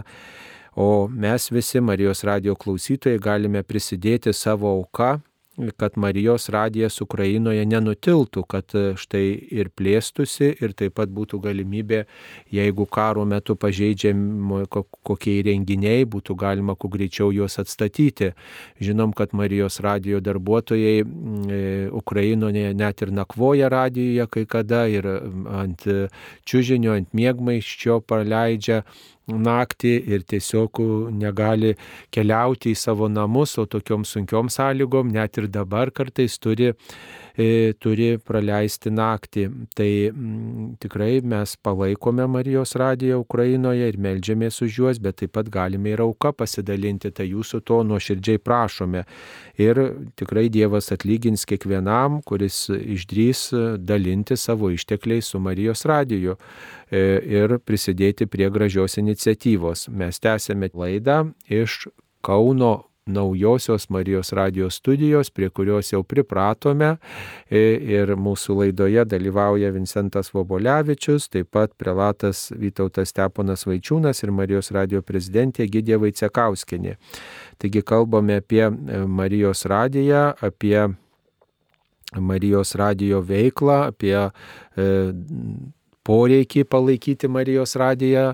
Ir štai Taip pat džiaugiamės e, tai žmonėmis, kurie visą šį laikotarpį ne tik tai išlaikė Marijos radiją, bet ir pastatė, Lietuvo žmonės pastatė naują pastatą, bet jį taip pat reikia išlaikyti. Mes iš seno pastato įsikraustėm, bet dabar reikia naują pastatą išlaikyti ir reikia net ir žiemą e, vasarą taip pat žiemą šildyti, o vasarą šaldyti reikia, kad įrenginiai ne, neperkaistų, tai yra tokia vadinama šalčio mašina, taigi ele, elektros energijos poreikis yra tam tikras ir net ir vasarą reikia, kad būtų galima dirbti studijose ir vėsinti jas ir taip pat vėsinti įrenginius, kad jie neperkaistų. Na ir aišku, dažniai kainuoja ir taip pat kainuoja štai tas nedidelis personalas, personalo išlaikymas, kuris čia nuolat turi dirbti, negalim vien tik tai savanoriais remtis. Tai tokios turbūt pagrindinės išlaidos yra. Ir dabar galbūt dar prelatas žodelį tars apie savanoriavimą. Štai jūs toks garbingas žmogus, štai o va savanoriaujate Marijos radijui. Gal apie tai, mielas prelatė, keletą žodžių visada, kai kviečiam jūs ateinat, kaip jaučiatės atėjęs į Marijos radiją. Labai dėkui, kad jau e, pristatėt kaip tokį aktyvų. Nesu aš jau toks labai aktyvus dėl to, kad pirmiausia jau vis tiek amžius mano, o antras dalykas dar vis tiek turiu kitokių pareigų, bet visada, kada kviečia, stengiuosi padėti, nes aš suprantu, visas mano gyvenimas tikrai praėjęs jau 52 metai kunigystės, praėjęs tikrai darbui ne tik tai silovadiniam parapijoje, Vikarauti teko tik 8 metus, bet pagrindė pedagoginis darbas su klerikais, jau 44 metai, 32 metai universitete visą laiką susijęs, kadangi esu susijęs su daugelį žmonių, kad techetų mokyklai vadovau. Reiškia, todėl aš ne tik tai čia pats ateinu, bet aš stengiuosi pagal galimybės e, ne tik tai padiskutuoti, kaip paminėjau pradžioje laidos, kad va, kas yra Marijos radijas, bet kad aš visiems primenu tą, kad reikia padėti. Nu, dabar, kadangi toks klausimas retorinis visada, kam čia reikia? Negi Vatikanas nepadeda. Ar viskupai negali padėti? Nu, tai labai keistai skamba. Iš kur tiem viskupam čia byra kažkoks kraniukas iš dangaus doleriai, eurai ar ne?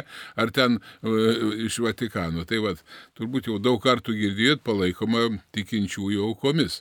Todėl tas savanoriavimas tai nėra tik tai, reiškia, kad kažkur tai paukojau kažkokį eurą, bet yra va čia ir dalyvavimas laiduose. Kiek čia turite? 300, kiek minėjote, net savanorių turbūt yra. Yra, ateina įvairios laidos, yra įvairių profesijų, įvairiaus įsilavinimo reikia žmonių, kadangi mm, e, vieni sako, man čia neįdomu, ne, neįdomu, aš klausaus. Tai neįdomu, tos laidos neklausyk.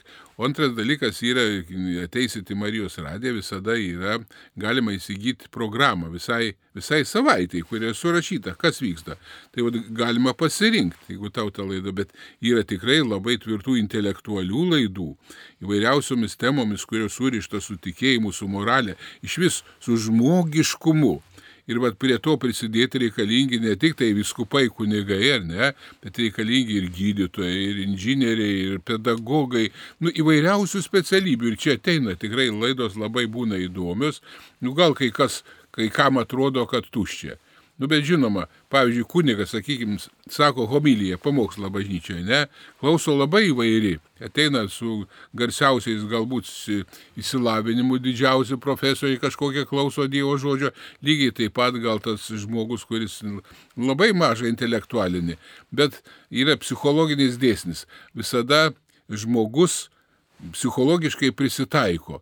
Ir kartais mes turim, kaip kunigai seniai jau galim paliūdyti, reiškia, kartais išgirstas Dievo žodis paprasčiausiam žmogui, taip labai primityviai pasakytas, bet tik tiek jis giliai paliečia į savo širdį, aš nenoriu minėti pavardžių, galėčiau pasakyti asmeniškai, reiškia vienas mūsų VDU profesorius, reiškia, buvo tikrai, kaip jis sakė, buvo toks vienas kunigėlis amžinatelis, jis yra, nu visi jis sakė, nu tas jis toks paprastas, niekam čia nereikalingas, toks, va, tokia du nuomonė buvo. Tas profesorius sako, kada aš pas jį priejau iš pažinties, aš po to, sako, pas jį visada einu, jis mano tapo dvasios tėvu. Matot, paprasčiausias dalykas. Žiūrėkit, paimkim Kristaus, ne, palyginimai. Taip, jis neėmė kažkokias filosofinės, ne, idėjas, tai kažkokias žmogui būtų nesuprantama, bet jie, jie tokie paprasti pavyzdėliai, paties Kristus, paimti iš kasdieninio gyvenimo, tai tampa e, žmogui kasdieninė duona. Tas yra valgys. Mes ateinam pavalgyti, ne tik tai valgio kažkokio, bet dvasinio valgio, o žmogus yra pastoviai išalkęs dvasinių vertybių. Štai kas yra, pavyzdžiui, šventumas, ne? tai nėra tik tai pasiekiau ir stop, ne? mes visada siekiame šventumo, tai yra Dievo valia, pats sakė Kristus, jūsų šventėjimas, ne? Tai va šitą, tai va, todėl va, tas savanoriavimas, ką dar ekscelencija klausėt, va reiškia, ir yra, man pačiam yra malonu čia ateiti, nors retkarčiais pabūt, pakalbėti, bet man malonu taip pat yra su kitais pakalbėti šitą tematiką. Ir aš esu tikrai labai daug kalbėjęs ir kalbu. Su, su, su tais, ne tik tai savo bičiuliais, kurių kau nedaug, bet su tais intelektualais taip pat kartais tenka labai rimtai pasiginčyti, ne kai kuriais klausimais, bet žinoma, daugumas jų sutinka.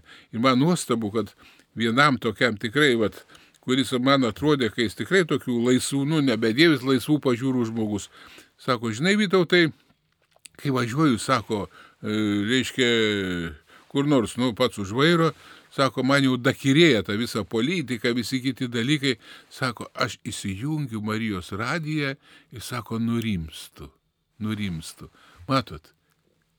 Tai vad, tai vad, tie savanoriai, tie darbuotojai čia, tie, kurie vadovauja, nu, aš tą patį kartuoju, kaip pradžioje sakiau, reiškia, kad tai yra Dievo balsas.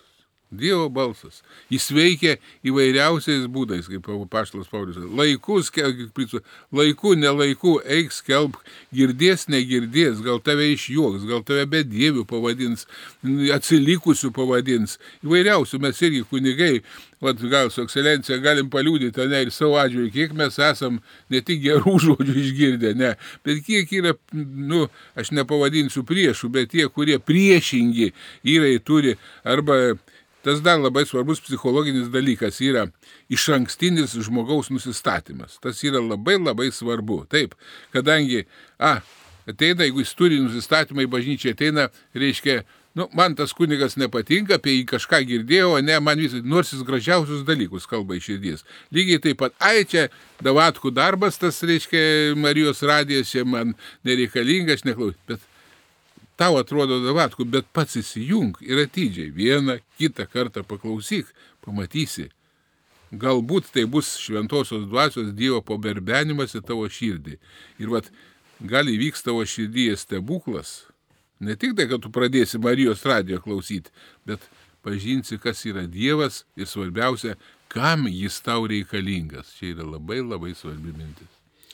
Taip, Marijos radio klausosi ne tik tiems, kuriems svarbus tikėjimas, bet ir kartai žmonės ieško ramybės ir klausosi ir maldos, nors ir nesimeldžia, bet klausosi kaip fono. E, net iš vaikų tokių esu girdėjęs, sako, kai mes mašinoje važiuodami susipykstam, mama ar tėtis įjungia Marijos radiją ir tada niekas nesibara, niekas nesipyksta, sako, tada klauso, ar ten meldžiasi, ar ką sako kalba, bet mes sako, jau nesibaram, niekas nieko nesiginčia bažnyčioje, tai varamybę neša Marijos radijas ir čia Lietuvoje ir mes vengiam tokių kontroversiškų kartais temų ir tokių aštrių arba kalbam su tokia ramybė, su tokiu supratimu, pagarba, e, nes kažkaip reikia labai turbūt tokios išminties ir, ir kantrybės ir pagarbos kiekvienam klausimui. Aišku, visada gal rūpi kelti tuos aštrius klausimus, aštres temas, bet visada rizikuojam labai supriešinti žmonės, nes matėm, kad ir per pandemiją štai visokių tų nuomonių buvo, visokių tų klausimų, tai stengiamės kiek, kiek ir specialistais remtis, bet ir tokių nusaikumo laikytis, tokios pagarbos laikytis kiekvienam žmogui, kokios nuomonės jis bebūtų. Taigi, mėly Marijos radio klausytojai, džiaugiamės, kad galime švesti Marijatoną, tokį padėkos laiką už Marijos radiją. Galime apmastyti Marijos radijo misiją, kad tai e, evangelizacinis radijas, kad tai proga yra atnaujinti tikėjimą. E, štai buvo didelis uždavinys iškeltas pastatyti naują Marijos radijo pastatą, kad iš to seno būtų galima išeiti ir tikrai pagaliau tai įvyko. Štai jau visi metai, kaip mes darbuojamės naujame pastate, štai gegužės 31 dieną bus lygiai metai, kai e, pašventintas naujasis Marijos radio pastatas, kai veikia koplyčia, kurioje vyksta švenčiausio sakramento adoracija, kai veikia studijos, kai daromi įrašai, kai vyksta tiesioginės radio laidos ir norim, kad e, viskas toliau plėtotųsi. Ir tikrai daugybė savanorių prisideda rengdami laidas, rinkdami aukas ir taip pat būdėdami Marijos radijui, transliuodami laidas ir taip pat transliuodami E, šventasias mišes ir, ir visa, visas kitas e, e, priemonės, renginius, įvykius, kurie, kurie padeda mums tikėjimą pagilinti. O kokios dabar būtų svajonės ir viltys, mėla prezidentė, žvelgiant į ateitį, svarstant Marijos radio misijo ateityje? Marijos radio misija e, vis yra ta pati nešti Dievo žodį žmonėms ir ypatingai tiem žmonėms, e, kur, kurie dar yra netradę Dievo, netradę, e, kaip sakyt, pakrikštyti, bet pamiršę e, ir, ir gyvena, kaip yra tas terminas agnostikai, tai yra kaip kaip ir žino, kad Dievas yra, bet kažkaip ieško to kitokio kelio.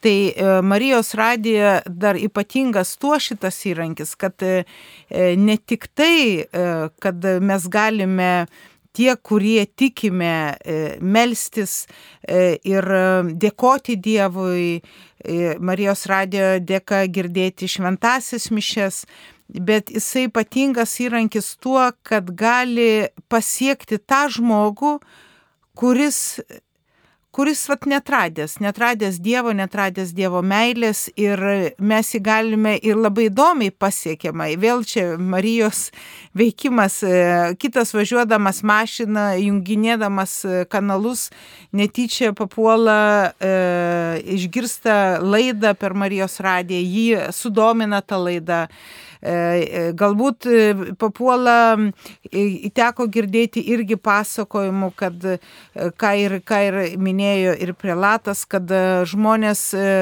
įsijungia, išgirsta maldą, gal patys nesimeldžia, bet pajaučia tą ramybę. Ir, ir tada nu, kažkaip pas juos atsiranda tas jausmas, kad čia kažkas tai nu iš tikrųjų ir vyksta kažkaip kitaip, įdom, įdomiau negu kitose stotyse, galbūt tie balsai yra ir nesušukuoti, kaip sako, tai jūs ekscelencija, kad galbūt jie ir skamba įvairūs maldoje, bet e, atneša ramybę. Tai tikrai kok, ko, kokios viltis ir ko norisi toliau, e, kad radijas ir toliau žygiuotų drąsiai ir būtent ieškodamas įvairiausių formų, kaip pasiekti tą E, klausytoją, kuris dar neįsijungęs Marijos radijo. Ir va šitoje e, misijoje, e, taip pat yra kviečiami dalyvauti visi mūsų klausytojai, kurie girdi Marijos radiją.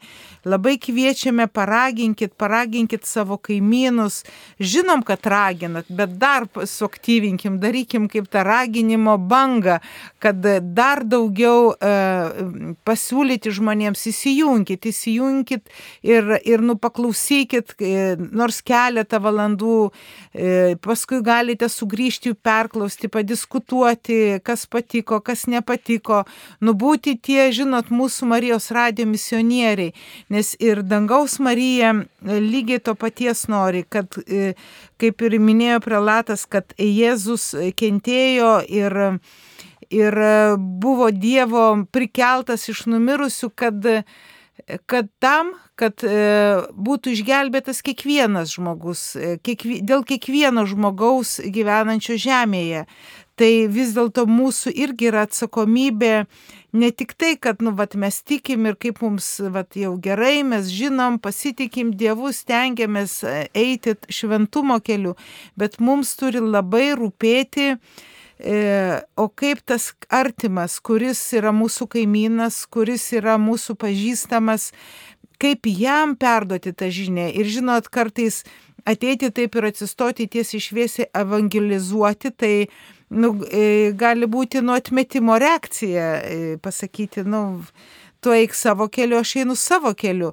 Bet va tas toks kvietimas, nu, va, tu įsijung Marijos radiją ir tas įdomiausia, kad va, Marijos vardą, kaip Marija, kaip motina priema e, visi ir tie, kurie netiki jiems Marija, yra, nu, kažkaip tai gerai, jiems, nu, tai vad Marijos radijas atrodo toks paprastas pavadinimas, bet reikia ir mums kiekvienam įdėti e, širdies, kad Marijos radija klausytųsi kuo daugiau žmonių, kuo daugiau įsijungtų. Į, į, ir, o jau toliau dangaus Marija daro savo darbus ir paliečia tų širdis, mes nežinom per kokias laidas, bet svarbiausia, kad įsijungtų radiją.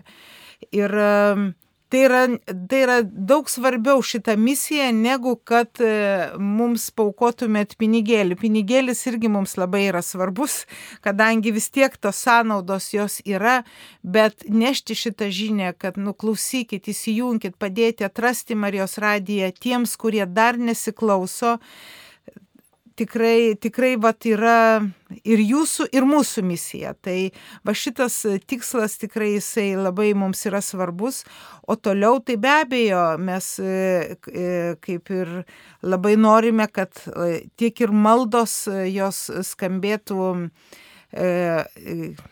kaip sakyti, kuo geresnės kokybės, tai yra, kad uh, būtų kalbamos su, su meilė, su užsidegimu, taip pat ir laidos, kad jos būtų įdomios žmonėms ir, ir mes tikrai labai atsižvelgiam ir į prašymus, ir į nuomonės, bet kaip ir sako ekscelencija Saulis, kad uh, kad e, radio nėra tikslas, kad supriešinti žmonės, bet e, kad jisai tarnautų žmonėms ir neštų ramybę ir tokio mąstymo gilio žinę ir apie tai, kad Dievas myli mus kiekvieną. Taigi, mėly Marijos radio klausytojai, švenčiame Marijatoną e, ir čia yra laida, kaip tik tai atėjo žinutė tokia apie e, jaunystėje lankytas karate pamokas e, sportą ir štai rytų kovos menus, ar reikia apie tai pasakyti per išpažinti, ar tai nuodėmė. Štai tokį klausimą gavome, kaip ir visada klaus drąsiai laidoj, šiuo laiku būna įvairiausių klausimų ir štai toks klausimas, nors ir nesusijęs su marijatonu, tačiau sielovadiškai gal aktualus, tai norim pasakyti, kad jeigu jūsų sąžinė nerami, tai tikrai įvardinkite, įvardinkite aplinkybės ir tai bus atsižadėta, jeigu tai buvo atvirumas kažkokiem demonams.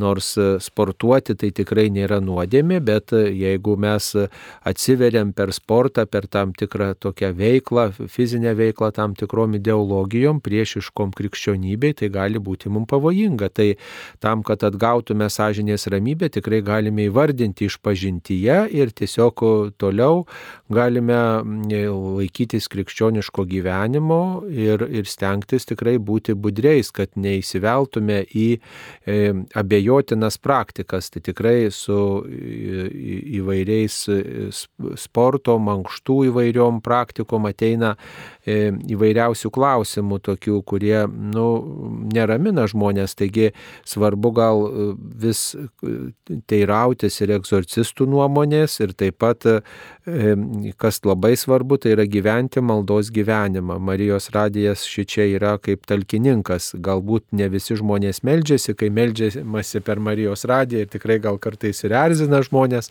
ar balsas, ar tonas, ar, ar, ar, ar tempas, žodžiu, įvairūs dalykai, bet tai yra priminimas tiesiog, kad žmogau, yra rožinio malda, tu gali išjungti ir melskis vienas, bet yra malda ir tai jau bus atlikta misija, štai Marijos radijos žmogus bus pakviestas maldai, bus priminta apie rožinio svarbą, apie bet kokios kitos maldos svarbą, gailestingumo vainikėlio, kryžiaus kelio svarbą, kad mes tikrai nepamestume tų senųjų praktikų, kurias e, daugybė žmonių iki mūsų turėjo ir kurios padėjo žmonėms sustiprinti tikėjimą, ryšį su Dievu palaikyti ir atgauti ramybę, paguodą, e, išgyventi viešpaties artumą ir pasirenkti sakramentams.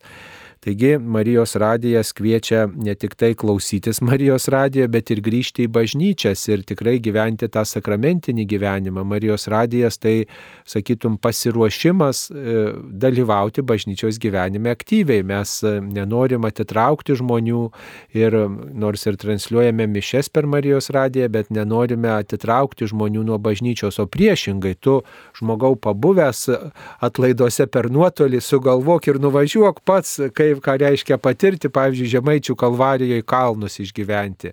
Nesvarbu, kad yra transliuojami, pavyzdžiui, e, e, Žemaičių kalvarijos atlaidai, bet e, nors vieną dieną reikia nuvažiuoti, arba ten kokie kiti atlaidai, štai susipažinti, kviečia Marijos radijas, kaip tai atrodo, bet paragauti gyvai tai yra daug didesnė malonė. Aišku, ir daugybė žmonių niekada dėl sveikatos, dėl įvairiausių kitų dalykų nenuvažiuos į daugelį šventovių, į daugelį bažnyčių, į daugelį atlaidų, bet, bet tikrai tai vis tiek visada yra ta pareiga, tas kvietimas ir malonė netgi gyvai dalyvauti šventose mišiose kiekvienam žmogui, net ir tie, kurie prikaustyti prie lygos patalo, kurie nevaikštot ir kurie dieną naktį klausotės Marijos radijo, jūs vis tiek pasikvieskit kunigą bent kelis kartus per metus, kad jūs mums atneštų švenčiausią sakramentą, kad jūs net ir dalyvaudami įvairiuose mišiuose gyvai galėtumėt priimti šventą komuniją, galėtumėt prieiti iš pažinties, priimti kunigo palaiminimą, pasikalbėti veidas į veidą.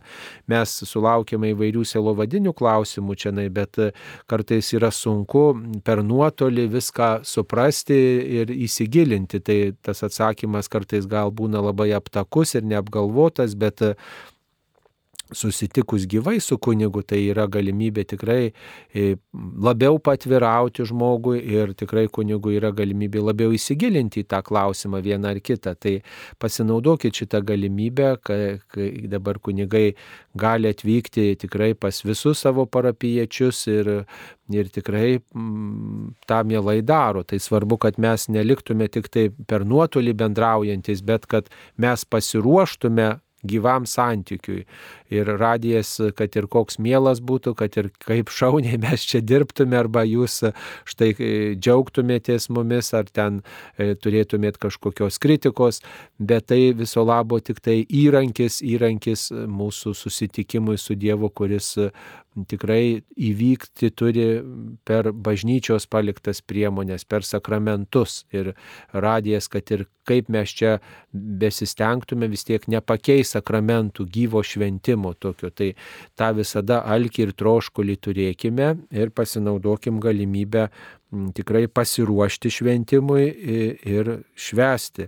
Štai net ir šventose mišiuose priimam dvasinę komuniją ir ji neatstoja tos realios komunijos bendrystės su Kristum, kuri išgyvenama, kai priimam Kristaus kūną gyvai dalyvaudami šventose mišiuose, bet vat, priimdami dvasinę komuniją, išklausydami šventasias mišes per radiją, e, turime galimybę pasiruošti realiai komunijai, realiai bendrystėj su Dievu ir tikrai to trokškite, nesvarbu, kiek jūs mišių be išklausytumėt, kiek jūs besimelstumėt, vis tiek tą troškimą pažadinkit gyvai dalyvauti sakramentų šventime. Ir štai marietonas yra proga, proga taip pat ir dėkoti Dievui už Marijos radiją ir taip pat apsvarstyti, kokia ta žinia yra svarbi, kuri nešama per šitą radiją. Jis padeda mums pasiruošti bažnyčios gyvenimui, tokiam labiau pažinti bažnyčios gyvenimą. Ir aišku, visų mūsų svajonė yra, kad Marijos radijas stiprėtų, kad kuo daugiau kunigų įsijungtų į, į vairias laidas, į katechezės, žmonės šito trokšta, tai tikrai galite ir jūs, mėly klausytojai, paraginti savo parapijų kunigus, kad galbūt išdrįstų žmogus ateiti į Marijos radiją ar paskambintų, ar jūs galite gal ir atsiųsti, e, e, tiesiog priminti mums, atsiųsti tokią žinutę, kad štai va tas kunigas gerai pamokslauja, galbūt Marijos radio darbuotojai ir savanoriai nepastebi, ne, ne, negirdi to kunigo, bet jūs štai išgirdote, galbūt vat, e, duoksite mums žinę, bet ir kunigui pasakykit, va, jūs ne tik savo parapiečiam žinę skelbkite, bet ir plačiau, kad nuvilnytų, kad mes visi įsijungtume, e, galit visada siūlyti ir temas, kokių norėtumėte išgirsti per Marijos radiją, tikrai tų temų sąrašą mes turime, kai kada svarstome, kur čia įterpti, pagalvojame ir kaip yra galimybės pritaikome. Taigi ačiū Jums, kad Jūs klausotės Marijos radiją, kad Jūs e, dalyvaujate Marijos radijo veikloje, daugybė žmonių e, ir savanoriauja ir tikrai ateityje savanoriaus tikime Marijos radijo veiklose ir pakalbins kitus žmonės savanoriauti ir taip pat e, kurie aukojate Marijos radijui. Tik tai jūsų aukų dėka Marijos radijas gali gyvuoti. Ir paukodami Marijos radijui jūs prisidedat, kad Evangelija būtų toliau skelbiama ir nešama daugeliu žmonių. Ir nuolankiai prašom jūsų aukų, nuolankiai stengiamės e, prisiminti jūs visus, kurie skyrėt savo auką, didesnę ar mažesnę, visi esat brangus, reikšmingi žmonės, svarbu, kad e, tikrai e, paragintumėt ir savo artimuosius paukoti Marijos radijui ir galbūt savo vaikam, anūkams šitą mintį pasakytumėte. Jau ir e, vakar minėjom apie tokį net ir daugelio žmonių sumanimą, e, net ir tėvelių atminimą jam žinti, sako, tėveliams buvo svarbus Marijas radijas, tai ir norėtume, kad ir mes prisidėtume, norime pratesti šitą tradiciją, tėveliai klausė, aukojo Marijos radijui ir mes norime aukoti ir tai pagerbti savo tėvelius, branginti tai, kas jiems buvo brangu. Na va, tai mm, visi, kas galite, prisidėkite, kad šitas projektas toliau gyvuotų ir kad tikėjimo žinia būtų skelbiama ne tik tai ligonėms, vienišiems žmonėms, ne tik tai tiems, kurie negali dalyvauti liturgijoje ir taip tikėjimą puoselėti, bet kad tikėjimo žinia būtų skelbiama net ir tiems, kurie atsitiktinai įsijungia radiją, kurie ieško kažko kito, bet vad staptelėjo ties Marijos radijo kažkokią laidą ir žiūrėjo kurie galbūt viešpats jau į širdį pasibeldė. Įsivaizduokit, jeigu mes prisidėtume, nors jeigu vieną žmogų tokiu būdu patrauktume prie Dievo, sakyčiau, tai nu, būtų didžiulis mūsų nuopelnas, didžiulis laimėjimas. Ir visi prie to galim prisidėti. Va. Vieni rengia laidas, kiti būdi, kiti transliuoja, kiti savanoriauja, kiti renka aukas, o kiti paukoja.